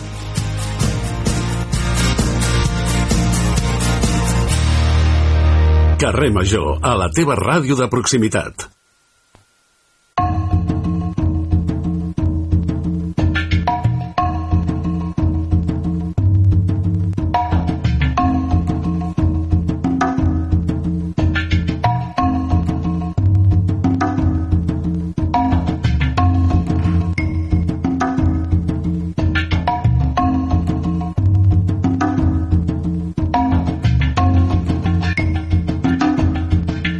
L'Aleix Alvarez és el gerent del taller Avall, que va ser guardonat la setmana passada per la Generalitat de Catalunya amb el Premi Restaura. Aquest jove mestre restaurador ha estat reconegut per la seva tasca en la restauració i conservació d'elements patrimonials, festius i culturals. Avui dilluns l'hem convidat als estudis de la nova Ràdio de Reus per fer extensiu la nostra felicitació. Eh, Aleix Álvarez, bona tarda i enhorabona. Molt bona tarda, Tom. No, doncs contents, no? És, no s'ho esperàvem. Jo t'ho dic que estem flipant encara, però bé. Què li diria, si pogués viatjar en el temps, què li diria al jove Aleix quan va començar a dedicar-se a aquest ofici de la restauració? Què li podria dir? Buf, moltes coses.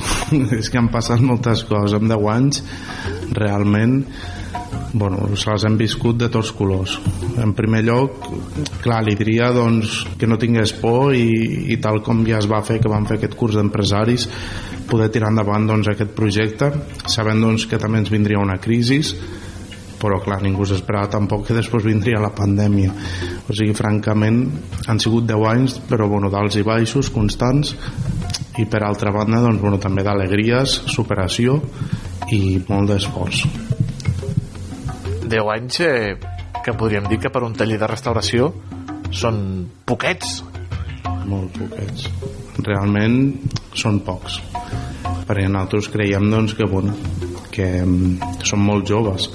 O sigui, realment tindrem anys doncs, quan puguem dir doncs, és que fa, no sé, doncs, 60 anys que ens dediquem a aquest sector. Però 10 anys sí aprenem constantment i vull dir, sempre intentem estar això al servei del client i a més també crec que és una, una feina que també és, és molt concreta no? aquesta la restauració també com va sorgir aquest amor i al final també com, com hi treballes en el dia a dia Bueno, el nostre dia a dia és una absoluta bogeria constant vull dir anem superplanificats amb tots els projectes que hem de fer però clar, vull dir, durant el dia doncs poden trucar clients, has d'anar a fer visites inspeccions moltes vegades doncs te toca doncs, organitzar-te de tal forma de que et quadrin aquestes 8 hores laborals que de, de les quals de 8 hores n'acabem fent més. O sigui, moltes vegades en fem entre 12 i, i en cas d'emergència n'hem arribat a fer 14 Mm, bé, nosaltres el que ens manen són els projectes dels clients i les dates doncs, de lliurament o d'entrega d'aquestes peces, no? que són peces, doncs, és un llegat patrimonial heretat, moltes vegades, doncs, com poden ser doncs, aquest tipus d'elements festius patrimonials, imatgeria festiva doncs, o imatgeria religiosa, patrimoni també cultural en general, i això el que ens provoca és que nosaltres hem d'anar als tempos dels nostres clients. Ells s'adapten a nosaltres i nosaltres també intentem doncs, adaptar-nos amb ells. I a més també aquests terminis no? que comentaves fa un moment al final a vegades la restauració també implica treballar uns temps que potser són més curts dels que requereix la peça. Moltes vegades eh, ja dic i caps de setmana inclosos. A vegades també ens ha tocat treballar perquè realment penses allò ha d'arribar i s'ha de presentar o vull dir, o ha d'estar com ara dèieu abans, no? la festa major doncs, de, la, de Sant Àgueda doncs també n'hem restaurat un enguany doncs també havia d'estar per la seva festa major per tant s'hem d'adaptar en aquest cas als projectes uh -huh. eh, parla vostè eh, senyor Álvarez que l'ofici de restaurador està en un perill molt seriós Bueno, això de vostè, no. Però això de tu, de És, moment. eh, de formació vostè, fin, professional. vostè fins que no m'hagi jubilat no em serveix.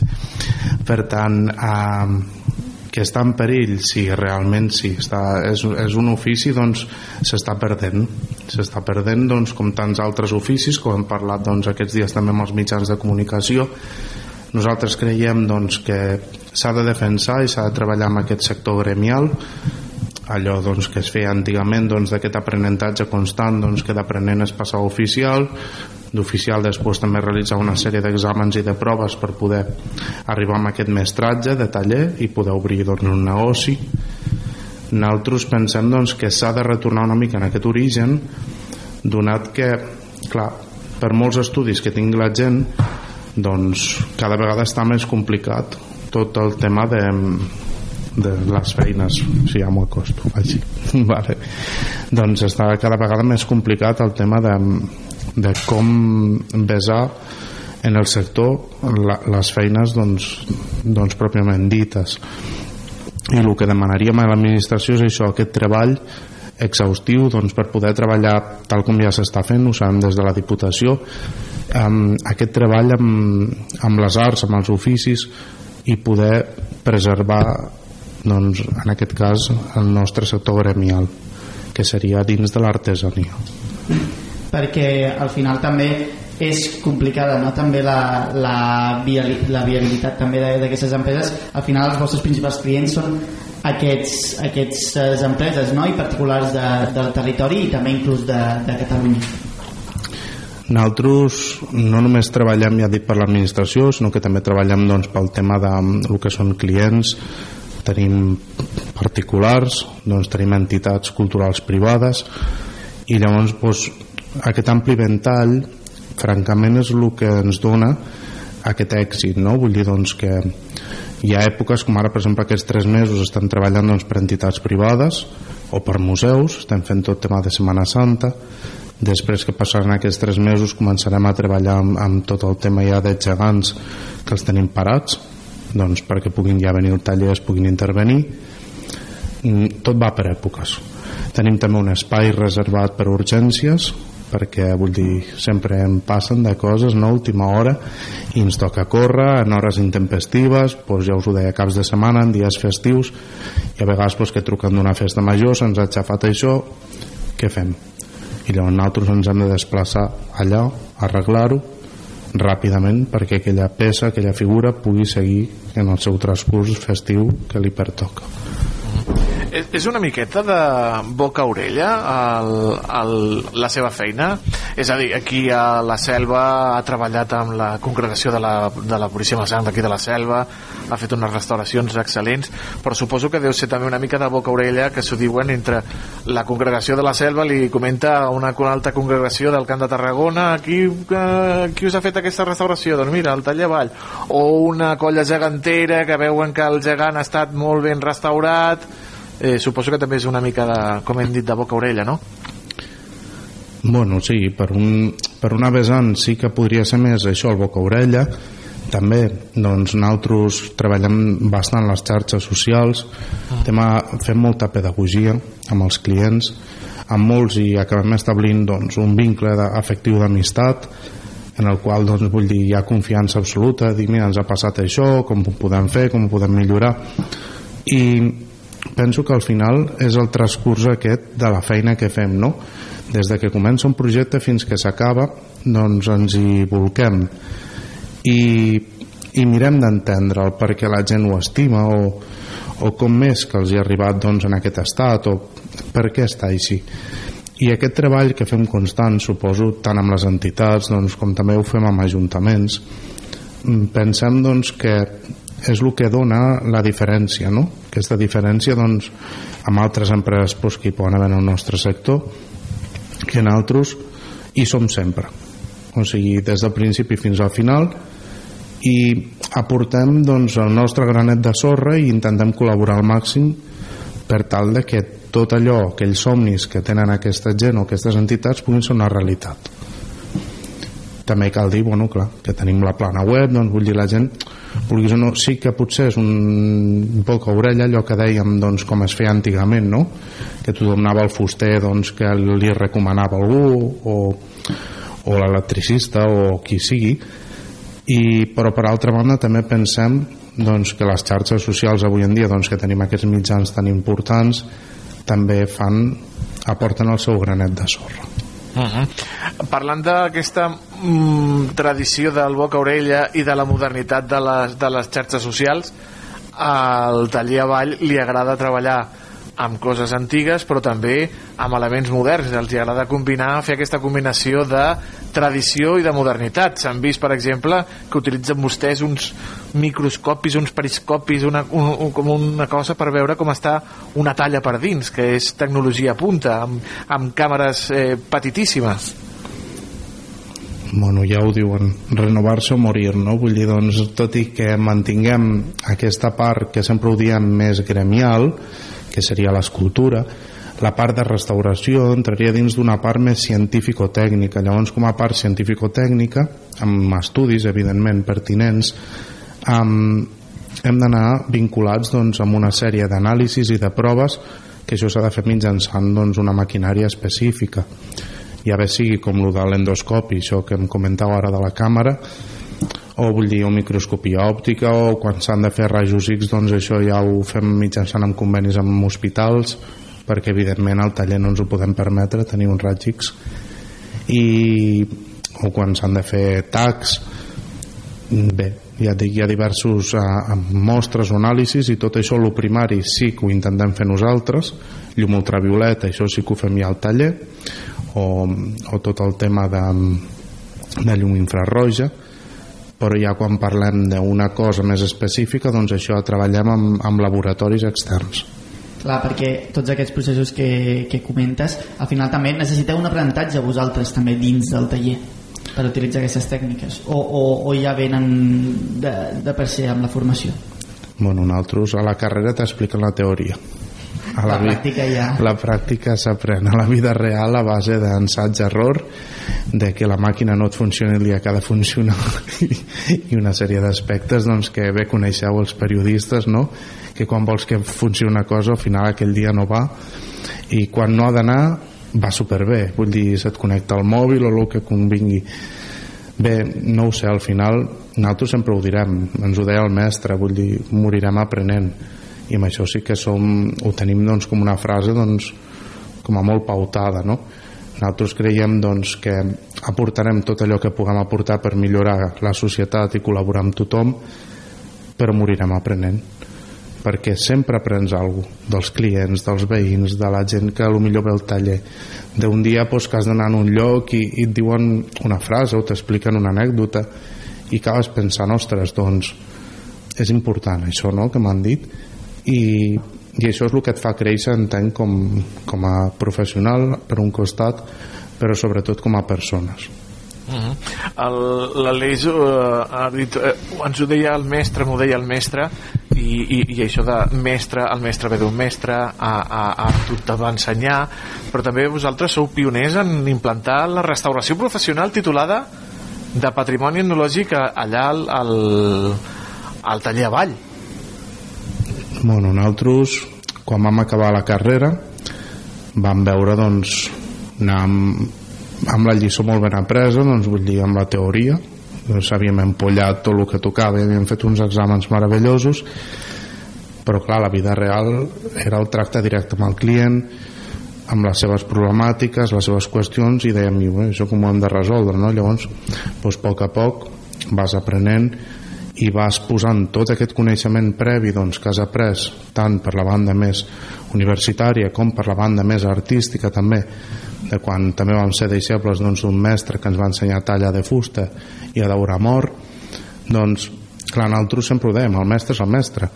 Però que també vam tenir un serraller que és un senyor molt gran de, que era d'aquí de Reus que també es va morir i ell per nosaltres també era el mestre perquè tot el que deia era superimportant.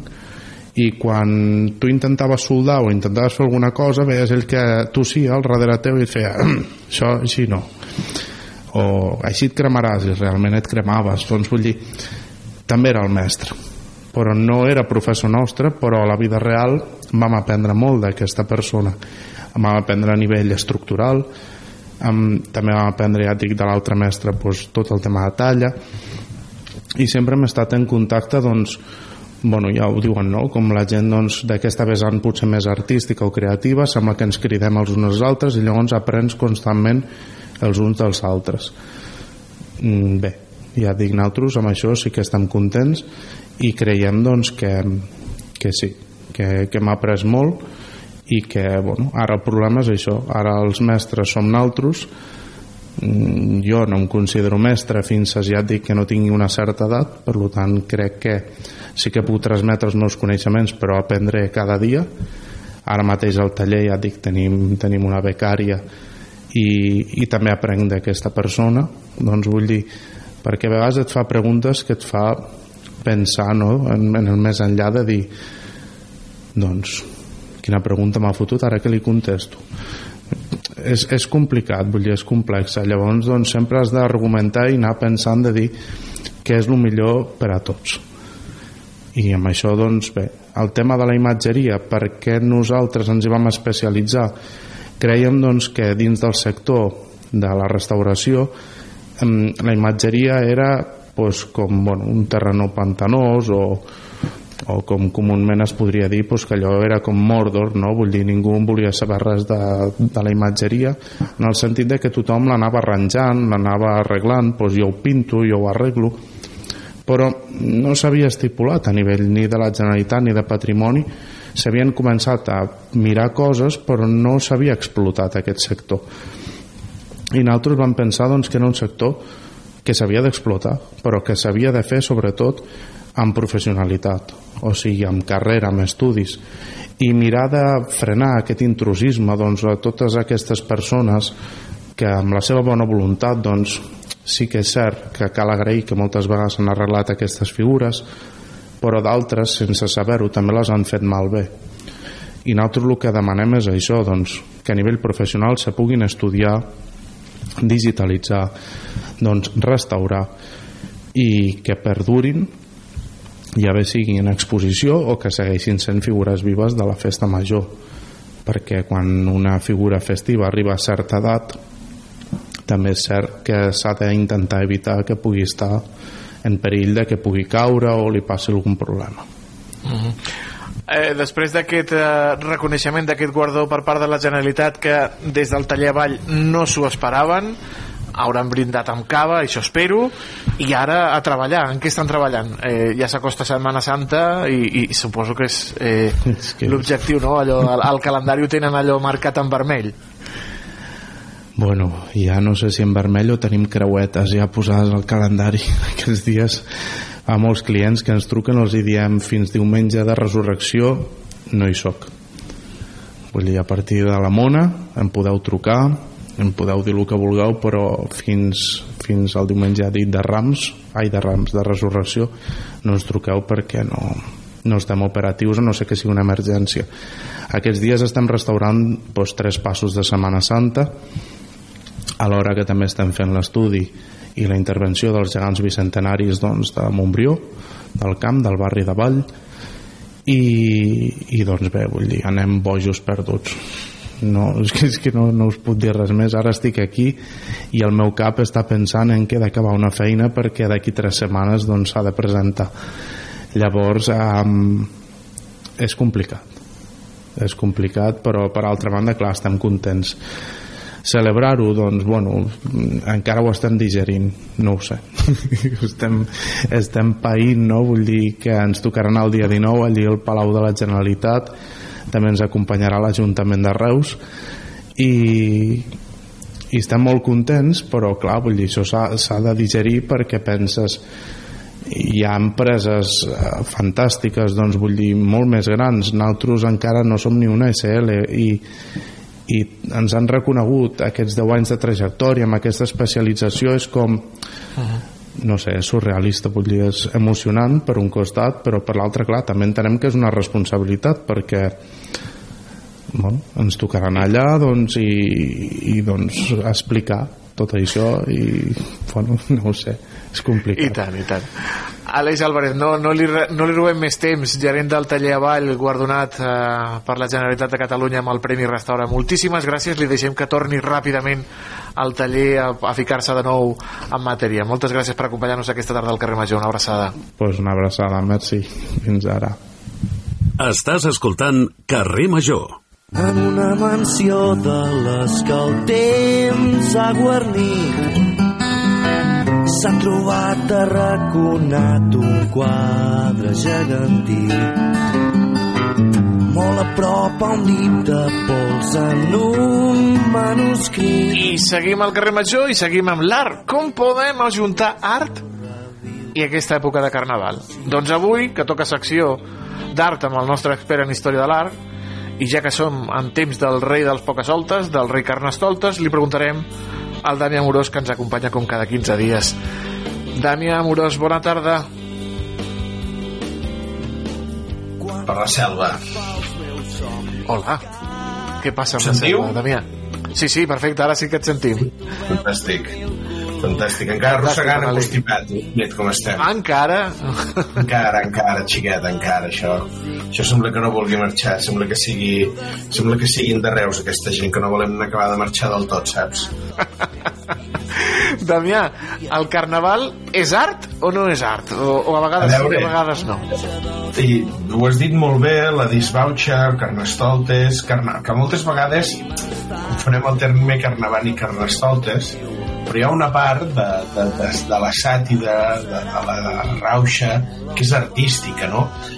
I a més, a, a casa nostra, al Camp de Tarragona, tenim aquesta dualitat dels dos carnavals de, podríem dir, de mar i de muntanya o de, o de mar i de terra endins perquè potser el Carnaval de Tarragona o el Carnaval de Reus veuen d'aquestes grans comparses de les disfresses de les carrosses i Torredembarra, Altafulla eh, però tenim llocs com Montblanc o com, o com Valls que fan aquests carnavals més d'interior també amb les seves activitats no sé si artístiques potser 25 anys de cartells que aquest any es fa una exposició en Montblanc sigui un element artístic.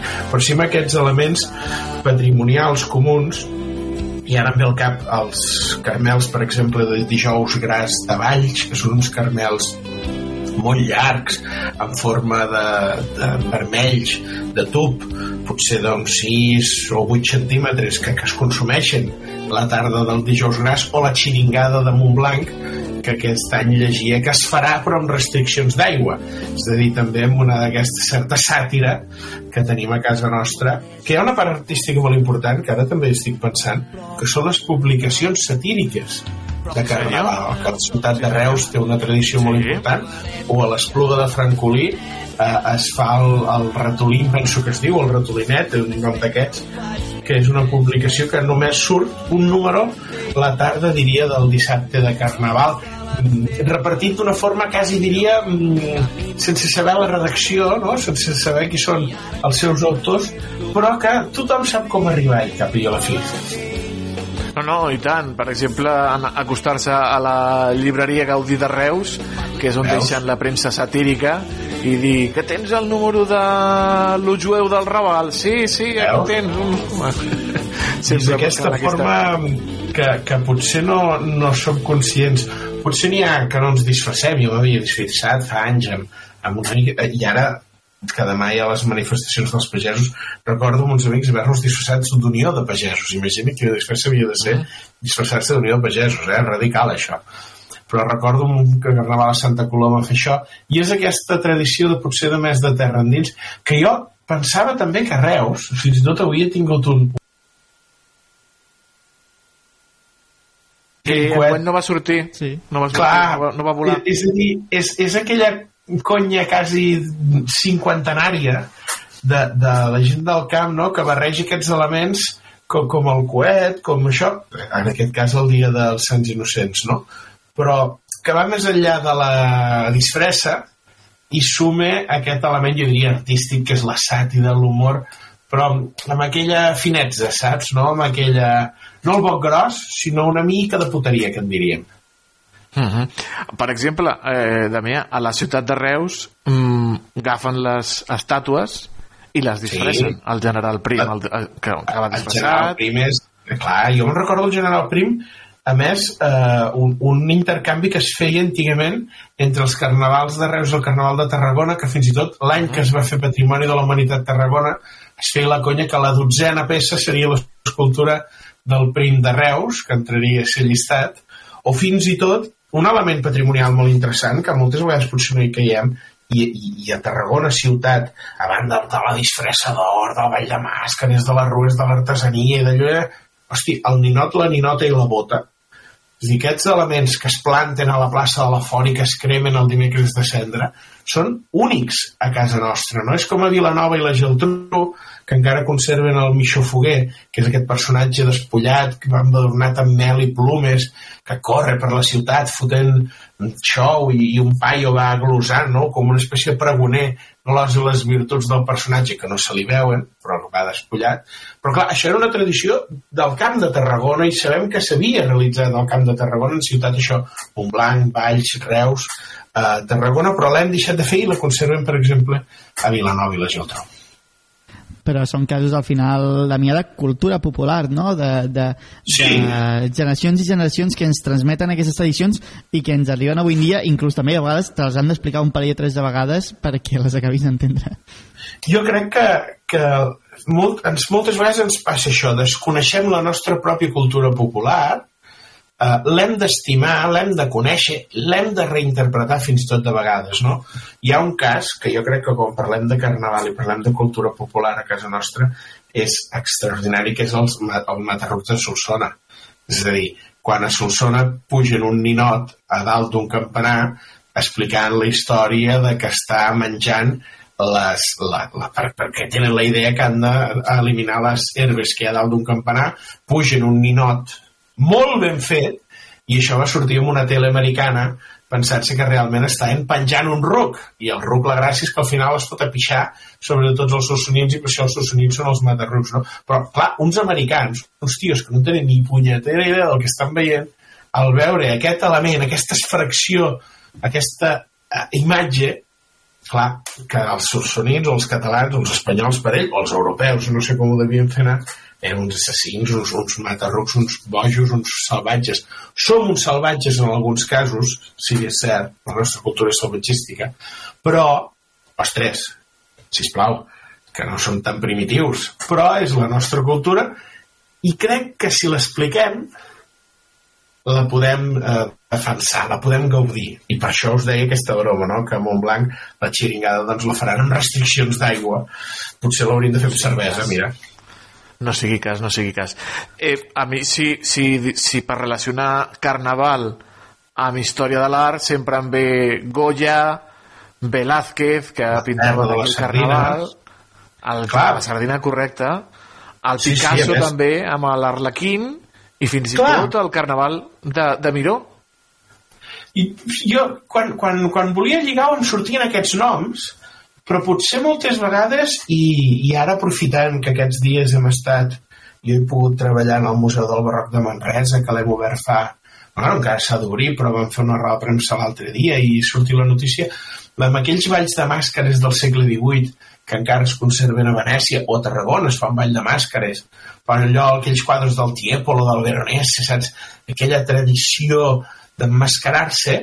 Sí, l'hem anat veient, l'hem anat vivint i encara a dia d'avui conservem elements artístics vinculats al carnaval. Potser a casa nostra hi ha un element artístic que no hi pensem molt, però que és l'art efímer.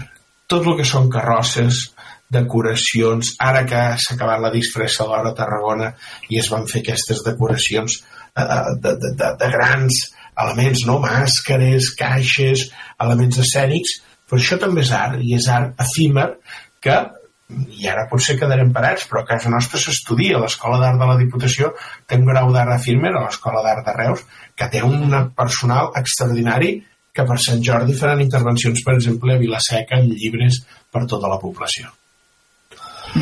Coses i tot per anar tancant ja, Damià.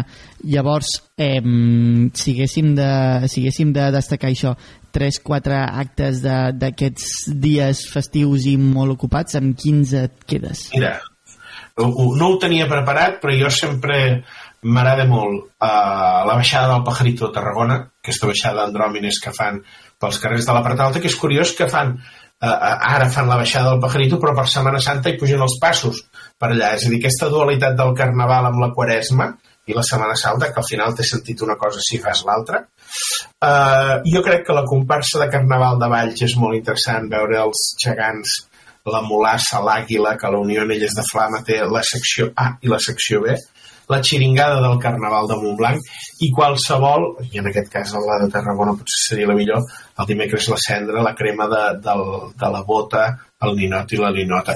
I escolta, i abans d'acabar, deixeu-me felicitar l'Aleix, que l'acabeu d'entrevistar, que un personatge de casa nostra que ha estat guardonat amb el Premi Restaura de la Generalitat pues, mira, ahir dels Gaudí només em van donar una a una persona al Camp de Tarragona, em penso que era l'Eduard Sí. Vallès, de Cambrils, doncs mira, sí. els Premis Restaura eh, reconeixen un professional com és l'Aleix, que, hosti, ja us ho he dit d'altres, imaginaria passos de Setmana Santa, gegants, nanos, bueno, professional com pocs tenim a casa nostra i que els hem de valorar, apreciar i que tenen molta feina, molta feina els restauradors conservadors a casa nostra.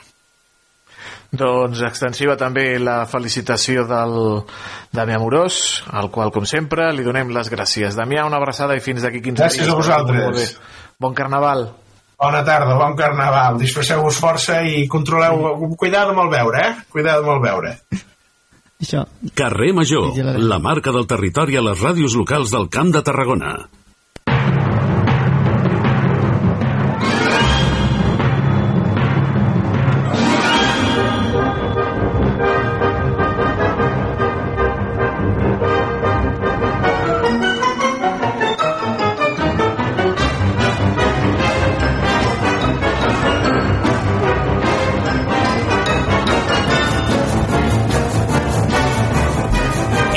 Altre home que té també molta feina, no t'ho pots ni arribar ni imaginar, és l'Antoni No sé Mellado. sí. Ah. Ah, no, deies tu? Tu, tu. No, no, no, jo també tinc molta feina, però m'imagino que l'Antonio Mellado en té molta Uf. més i segur que... No, més interessant no ho sé. Bona tarda, Antonio Mellado. Ai, no, no sé què dir. Hola, què tal, com esteu? Benvinguts a, a la nostra secció dels tonis. Avui l'Antoni està esgotat, eh? Estic esgotat. està- S'ha passat el carnaval d'aquí de la selva i ara pues, l'està Ah. l'està muntant. Mira. Anem, a parlar, anem a parlar dels Premis Gaudí. Abans ho ha dit el Demi Amorós, els Premis Gaudí. 700 Premis Gaudí de l'Acadèmia de Cinema en Català a l'Eix. I s'han entregat aquest cap de setmana, concretament el diumenge. I les dones han estat les grans protagonistes. El paper de la dona al cinema ha estat molt reivindicat, al igual que els casos d'abusos sexuals envers les dones al món del cinema. Ja en els Premis Feroz, que es van entregar fa uns dies, els assistents reivindicaven les acusacions de tres dones contra el director Carlos Bermud per violència sexual i els Gaudí també van estar marcats en aquesta línia per un reconeixement a la lluita feminista en una gala dedicada als abusos en la indústria i apel·lant precisament als casos de Bermud o Armando Ravelo. L'aclamada pel·lícula d'Helena Martín, Creatura, que s'ha pogut veure aquest, eh, aquests dies a la selva, amb el cicle vi, sobre el desig i la sexualitat femenina, escrita, dirigida i interpretada per la mateixa Helena Martín, s'ha coronat amb aquests Premis Gaudí. Partia com a favorita amb 15 candidatures, tot un rècord, i s'han portat 6 estatuetes, entre elles la de millor pel·lícula i la millor direcció. Creatura també ha sumat premis per al seu repartiment, per la Clara Segura i per l'Àlex Brendemul, millors actors secundaris, i el de la intèrpret revelació per la Clàudia Malagelada. A més, s'han portat també el de millor muntatge. Helena Martín en aquest film retrata com el pudor, el tabú i la relació de la protagonista amb la seva sexualitat i el seu cos doncs, es desenvolupen en tres etapes diferents de la seva vida en una societat on conscientment o no castra la seva relació amb el desig. Una gala presentada per les humoristes Maria Rovira i Anna Polo. En el seu monòleg inicial han reivindicat les subvencions al sector cultural, a Creatura com una pel·lícula impensable fa uns anys, de la pel·lícula Saben aquell han destacat que es podria haver subtitulat Eugenio no hagués estat res sense la seva dona.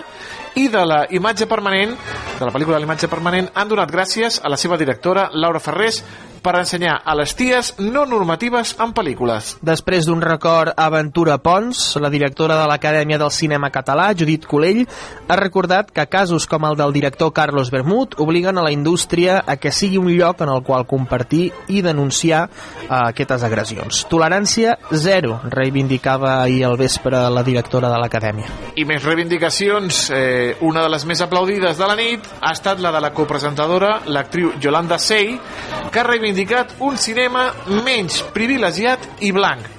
Deia que només un 3% de les actrius no són blanques. La gran triomfadora, com ha dit, va ser Creatura en sis premis del cinema català. Un per sota dels 7 que s'han portat la pel·lícula Saben aquel, 7 de 13 nominacions. Saben aquel de Trueba s'han portat els Gaudí a la millor actriu protagonista per Carolina Juste, actor protagonista en David Verdaguer, a direcció de producció pel cambrilenc Eduard Vallès, eh, per la direcció artística, vestuari, so i perruqueria.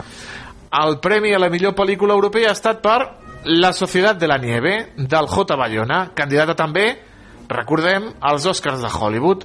La pel·lícula no catalana premiada, és que La Societat de la Nieve no té un més d'un 20% en català, eh, ha estat el delicat retrat de la infància trans vist en 20.000 espècies d'abelles, que també s'han portat el, el Gaudí, el de millor fotografia i direcció novell. I que també van poder veure el cicle de cinema Gaudí. Sí senyor, aquí a la selva. girant també, sí, I, sí. I, bueno, per tota Catalunya, per, però per aquí la selva va passar. I tant.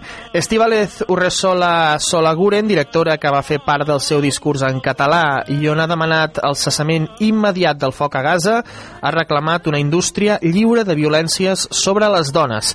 Isabel Cuixet i Laura Ferrero també s'han fet amb el Gaudí a guió adaptat per la pel·lícula Un amor i el guió original ha estat per a Juan Sebastián Vázquez i Alejandro Rojas per Upon Entry. El Gaudí el documental ha recaigut en Mentre siguis tu, l'aquí i l'ara de la Carme Elias, un documental on relaten la vida de la Carme Elias amb l'Alzheimer. La millor pel·lícula d'animació ha estat per Robot Dreams, que també s'ha fet amb el premi a la millor banda sonora, i hem de recordar que és una ferma candidata als Oscars com a millor film d'animació, i la millor pel·lícula per la televisió ha estat eh, de Sense destí, d'en Quico Sabater. El Premi Especial del Públic ha recaigut en el fenomen de taquilla El mestre que va prometre la mar. La directora, realitzadora i guionista Rosa Vergés ha rebut el Premi Gaudí d'Honor en reconeixement a la seva carrera i ha demanat a les joves que continuïn somiant. i són, han estat 1.400 els convidats al Centre de Convencions Internacional de Barcelona una catifa vermella de més de 100 metres, glamour, autoritats com el president de la Generalitat, el Pere Aragonès, el ministre de Cultura, Ernest Urtasun, l'alcalde de Barcelona, Jaume Colboni, per veure que el català i les dones són el futur del cinema casa nostra, Aleix. Sí, i també hem tingut un episodi sonat, no sé si l'has vist, Toni, del cantant de Manel, el Guillem Gisbert, cantant Ai, sol, pobret, a pobret. l'escenari, i Mentre la gent passant cas. de la seva cara, pobret. L'he vist, l'he vist, l'he vist. Ha fet una mica de, de paneta veure allà quiet a l'escenari cantant i... Mentre els altres anaven a buscar eh, eh, que hi ha barra lliure, doncs anem, anem a buscar el cubata de torn. Tremendo, Sí, sí, tremendo la sí, imatge, sí. pobret allà. Menys mal que, bueno, una digues, cançó digues, enrebaçada. Deixa'm fer una cançó enrebaçada explicant la vivència de 7 minuts i mig. Segura, segurament. Bueno, eh, eh, és una cançó dedicada a, als guionistes, sí? que també formen part del món del cinema. A l'Azores, no? Em sembla que li dedica o alguna cosa així. L'he escoltat aquest matí mig adormit, abans d'anar a treballar. Com me'n torno ara a treballar, Toni Mateos. Tu no deixes mai de treballar. Mai, mai de la vida. Antonio Bellado, gràcies per parlar-nos del Gaudí. Que vagi bé. Adéu, adéu. adéu.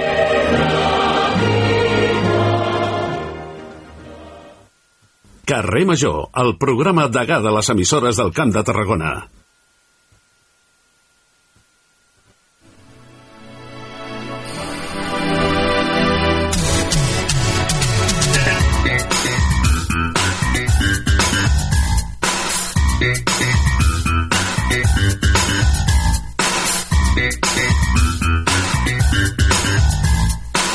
Uh,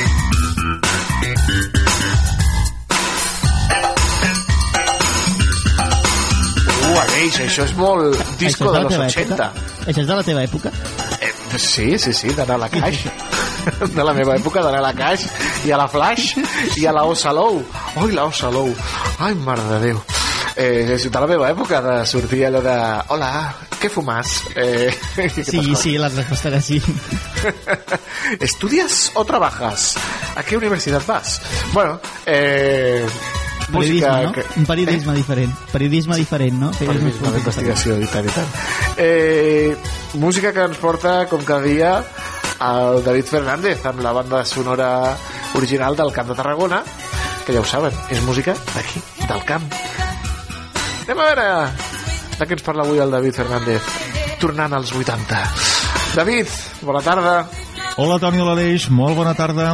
Avui escoltem una raresa. Tirem uns quants, uns quants anyets enrere i ens situem ni més ni menys que l'any 1988. De fet, això que sona ja té aquest so vuitantero típic d'aquella època, eh? Ens centrem a la ciutat de Reus per escoltar la Rosa Maria Vendrell. Qui és la Rosa Maria Vendrell? Doncs va ser una cantant que a principis dels 80, eh, juntament doncs, amb un altre músic, eh, van formar el duet Junkel, amb el qual doncs, van fer diversos concerts pel Camp de Tarragona, també més enllà d'aquí, i amb el qual van, van guanyar algun concurs a nivell de tota la demarcació tarragonina. Els Junkel es van desfer a meitats dels 80 i llavors la seva cantant, la Rosa Maria Vendrell, com diem reusenca, va començar una trajectòria amb el nom de Rose, en la qual, doncs, com podem escoltar, també doncs, es van dinsar en el camí del synth-pop electrònic.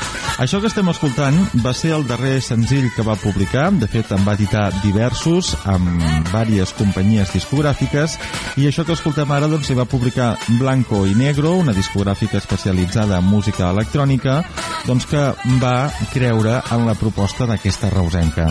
Això es diu How Are You, es va editar només en vinil en el seu dia, però també ho podeu trobar si ho busqueu per YouTube i per altres plataformes. Avui, doncs, tirem enrere, com diem, per escoltar Rose, aquesta proposta artística de la reusenca Rosa Maria Vendrell de l'any 1988, pel que sembla, amb aquesta cançó va acabar la seva carrera en solitari. Avui, doncs, ens hem posat nostàlgics per recordar la banda sonora del dia del carrer Major. ojo, Aleix, eh, blanco i negro, que treien els discos al Max Mix 1, Max Mix 2, Max Mix 4, Max Mix 5, aquesta col·lecció de, del Max Mix. Després me sembla que es van transformar en Vale Music. En fi, coses, coses de, dels 80 i dels 90, estimat. Del radiocasset, no? No, un radiocasset en aquella època. El radiocasset era, no, no, en vinil, en vinil. En vinil, Mira, no. aquí, aquí n'hi ha, aquí ha un reproductor de vinil, i tant. I casa, bueno, no tinc una col·lecció tan àmplia com el David Fernández, però algun Max Mix està per allà per casa, eh? I rereses, com ha dit avui el David Fernández. Doncs vinga, anem de la música a la furgó.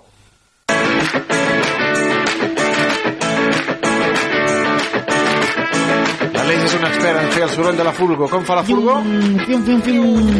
Ara crec que, crec que la Cristina eh, ha arrencat una setmana també molt carnavalera, o sigui, potser la Furgo fa música, sona la música de, de, de Rio de Janeiro, la pa, pa, pa, Segur, pa, pa. perquè avui se'n va al Carnaval de Tarragona amb la colla a la bota comparsa satírica del Carnaval ai Cristina, que bé s'ho passa Cristina Artacho, bona tarda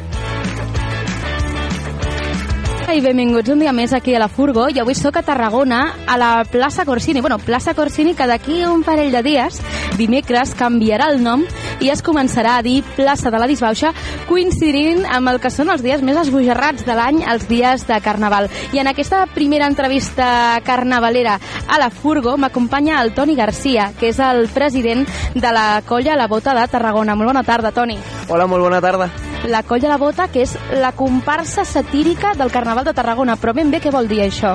A nosaltres en- ens agrada dir que és la comparsa satírica per excel·lència del Carnaval de Tarragona. pues fer sàtira vol dir fer crítica social de- d'allò que ens envolta, no? I a nosaltres això ens agrada molt. Ens, ens informem durant tot l'any d'allò que, d'allò que podem criticar, no? Fer sàtira a través de l'humor, no? Criticar a través de l'humor i ho apliquem a la rua, al judici, no? A tots els actes que nosaltres organitzem. Ara detallarem ben bé tots aquests actes que organitzeu i on critiqueu, però a mi m'encantaria saber si esteu preparats, com va tot, teniu ganes... pues sorprenentment estem molt preparats enguany perquè a nosaltres ens costa una mica arrencar, tot s'ha de dir però enguany hem començat de, amb molt de temps i ho tenim tot a punt, tot enllestit per passar-ho bé tot a punt per passar-vos-ho bé vosaltres i fer que la gent de Tarragona s'ho passi bé amb vosaltres també. Quins són aquests actes que té preparada la Colla de la Bota? Comenceu aquest divendres amb la Ferra dels Ninots o abans, eh, inclús? Comencem un dia abans, i a, a més aquí mateix, bueno, una mica més cap allà, al carrer Canyelles, amb la venda de coca de llardons, no? la, la, el carnaval gastronòmic, que també és molt important, no? amb la botifarra d'ou i la coca llardons. Nosaltres som els encarregats de vendre coca llardons, que a més estem molt contentes de poder dir que l'any passat van batre tots els rècords i van vendre 2.400 coques de llardons en un matí. Molt bé, i ara sí, divendres, no? Potser és l'acte de la Colla de Bota per excel·lència o el més conegut pels ciutadans de la ciutat? Creiem que és el més conegut i sobretot el més multitudinari, no? Des de fa un parell d'anys, sobretot des, després de la pandèmia, no? Vam, vam veure com de sobte creixia exponencialment per 3 o per 4, no? El nombre de participants i de cop i volta de 80, una vuitantena o un centenar de persones van passar a 500 persones l'any passat a la gran farra dels, dels ninots, no? Que com sabeu és una ruta etnogastronòmica per, per la part alta de la nostra ciutat que acaba aquí a la renombrada no? plaça de, de la Disbauxa. Una plaça de la Disbauxa on eh, l'Ajuntament la decorarà, s'hi posarà un escenari i on la farra dels ninots acabarà amb una rebella fins prou tard. amb una, amb una rebella fins les 4 de la matinada, acompanyats dels conegudíssims tarragonins PD Petting i amb una lleidatana, enguany com a novetat, a PD Ma Queen Moixigong. A veure si ho, ho dic bé. a veure si ho dic bé, el nom. Aquests actes de la Colla la Bota, no?, que és la que porta la sàtira al Carnaval de la ciutat, no sé si vosaltres també eh, contribuïen a, a, en aquest ritual, que es, en aquesta seqüència ritual que es vol crear del Carnaval tarragoní. Sí, bueno, nosaltres eh, de fet som els encarregats de la part més tradicional no? I, i ritual, com deies tu ara, de, del Carnaval, no? que té tot un, un calendari que s'ha de seguir, no? des de dijous gras fins a dimarts de, de cendre, i nosaltres, després de la farra als ninots, no? després de la rua, el dilluns fem el judici no? per sentenciar a sa majestat Carnestoltes i a la concubina, i el dia següent tenim eh, la mascarada de dol no? i la vetlla. Un judici que també tot està enfocat aquí a la plaça de la Disbauxa, que dèiem que serà renombrada aquest mateix dimecres, un judici que se solia fer en un teatre i que per primera vegada es farà aquí, en obert. Un judici que no ha tingut mai seu, seu pròpia, perquè això ja se sap, els judicis van canviant de, no, de jutjat, i vam començar al, al Teatre Metropol, després hem, hem estat a l'antiga audiència, al Teatre Tarragona, al Magatzem, i ara estem contentíssimes perquè venim a plaça, o sigui, fem un judici popular. Eh, fareu d'alguna manera que el públic també participi amb vosaltres durant aquesta representació o no? pues us avancem a Radio Ciutat i a la xarxa que sí, que farem que el públic participi i molt del judici d'enguany. Algun detall més que ens puguis donar d'aquest judici o què criticareu, alguna cosa d'així? Algun spoiler, però més que spoiler com sneak peek perquè la gent es quedi amb les ganes de venir. Perquè la gent es quedi amb les ganes de venir. Lògicament, eh, penseu una mica en tota l'actualitat tarragonina i no només tarragonina, sinó nacional i internacional. Ho toquem tot, eh? Però eh, us farem un spoiler interessant, que és que un element molt gran de quatre rodes farà presència a la plaça pel mig de les cadires i entre la gent, o sigui que jo crec que no us ho podeu perdre, això. Bueno, jo ja tinc ganes de veure i després d'aquest judici, el dimarts em sembla que serà, no?, que és, eh, o el dimecres, eh, tot el, el que és el dol. Com funciona això? No sé si ens pots explicar ben bé en què consisteix, perquè potser és la meva sensació, però el carnaval és molt conegut per molta gent, però en canvi la gent que potser estem una mica més separats ens costa més d'entrar-hi. Mm -hmm. El dimarts, a més, és un dia molt, molt xulo dins del, de lo que és, perquè és l'adeu al carnaval, no? Diem, diem adeu als dies de, de disbauxa, no? Um, i, però és veritat que és un, és un ritual que es, que es porta molt de temps fent, no? I que comença molt d'hora, comença a les 9 del matí, des de l'antic Ajuntament, i és un sèquit de dol, tots, tots i totes vestides de negre, que va visitar pues, l'Ajuntament, el, el Consell Comarcal, el Mercat Central, um, plorant, no? Plorant plorant la mort, de, o la sentència, millor dir, no? plorant la sentència del rei Carnestotes i la concubina, i que amb ells no només marxen ells, sinó amb ells s'emporten no? els dies de, de, de, de Deus Bauxa i els dies de Carnaval. No? I després, tot seguit, es fa la vella al, a la tarda no? al, a l'antic ajuntament i no res, es fa pues, això, la vella dels cossos no? del rei Carnestoltes i la concubina per acabar no? amb els grans, que a més jo crec que és una cosa que també s'oblida molt i que és molt important que el, que el els balls de Diables també hi participen, no?, a, a la ciutat. El foc també té presència al Carnaval de Tarragona i acaba amb això, no?, amb la lectura del Testament per part de Lucifer, no?, a les escales de la catedral, i després baixem fins a la plaça de Font per cremar el ninot i la ninota i donar fi, ara sí, no?, al Carnaval per posteriorment no, tenir el resultat de, del concurs el mateix dimarts. Després de, de la crema i tot això, tindrem el, el veredicte del jurat. La colla La Bota que ho té absolutament tot a punt per aquest Carnaval 2024. Nosaltres amb, amb, així tanquem la primera entrevista i no la última entrevista de Carnaval aquí a la Furgo. Moltíssimes gràcies, Toni Garcia. Moltes gràcies a vosaltres i animeu-vos a participar en tots els actes. Doncs amb aquestes paraules del Toni Garcia tanquem la Furgo d'avui. Ens veurem a la propera, que serà molt, molt aviat. Adeu. Ai, gràcies, Cristina. Mm, més coses de Carnaval. Demà tindrem programa també carnavalero, Aleix. Ah, sí?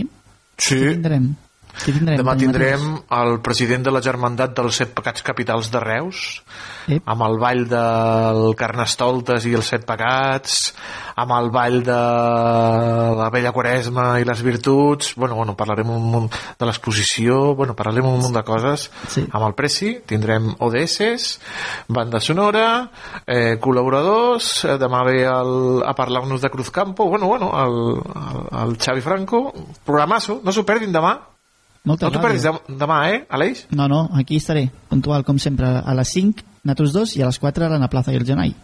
Molt bé, una abraçada, Aleix. Adeu, fins demà. Fins demà, cuidin-se molt. Bon carnaval.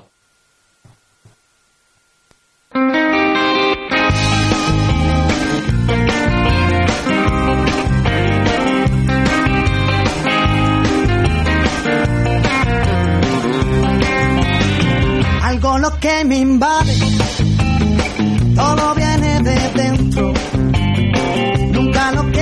siempre quiero lo hambriento. Todo me queda grande para no estar contigo. Sabes, quisiera darte siempre un poco más de lo que te pido. Sabes que soñaré si no estás, que me despierto contigo. Sabes que quiero más no sé vivir solo con cinco sentidos. Este mar cada vez guarda más barcos hundidos.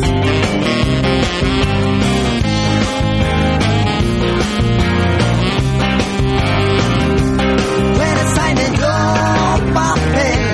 Donde vayas, yo me iré. Si me quedo a oscuras, de la locura alguna vez, por la boca vive. Y yo lo estoy diciendo, te lo estoy diciendo otra vez.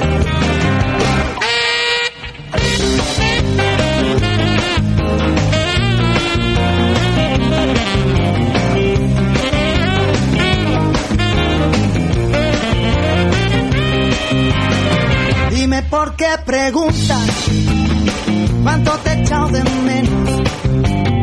Si en cada canción que escribo corazón eres tú el acento. No quiero estrella errante, no quiero ver la aurora. Quiero mirar tus ojos del color de la Coca-Cola. Sabes que soñaré si no estás que me despierto contigo. Que quiero más, no sé vivir solo con cinco sentidos. Este mar cada vez guarda más barcos hundidos.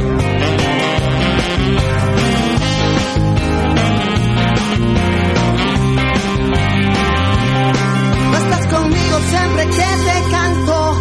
Yo hago canciones para estar contigo. Porque escribo igual que sangro. Porque sangro todo lo que escribo.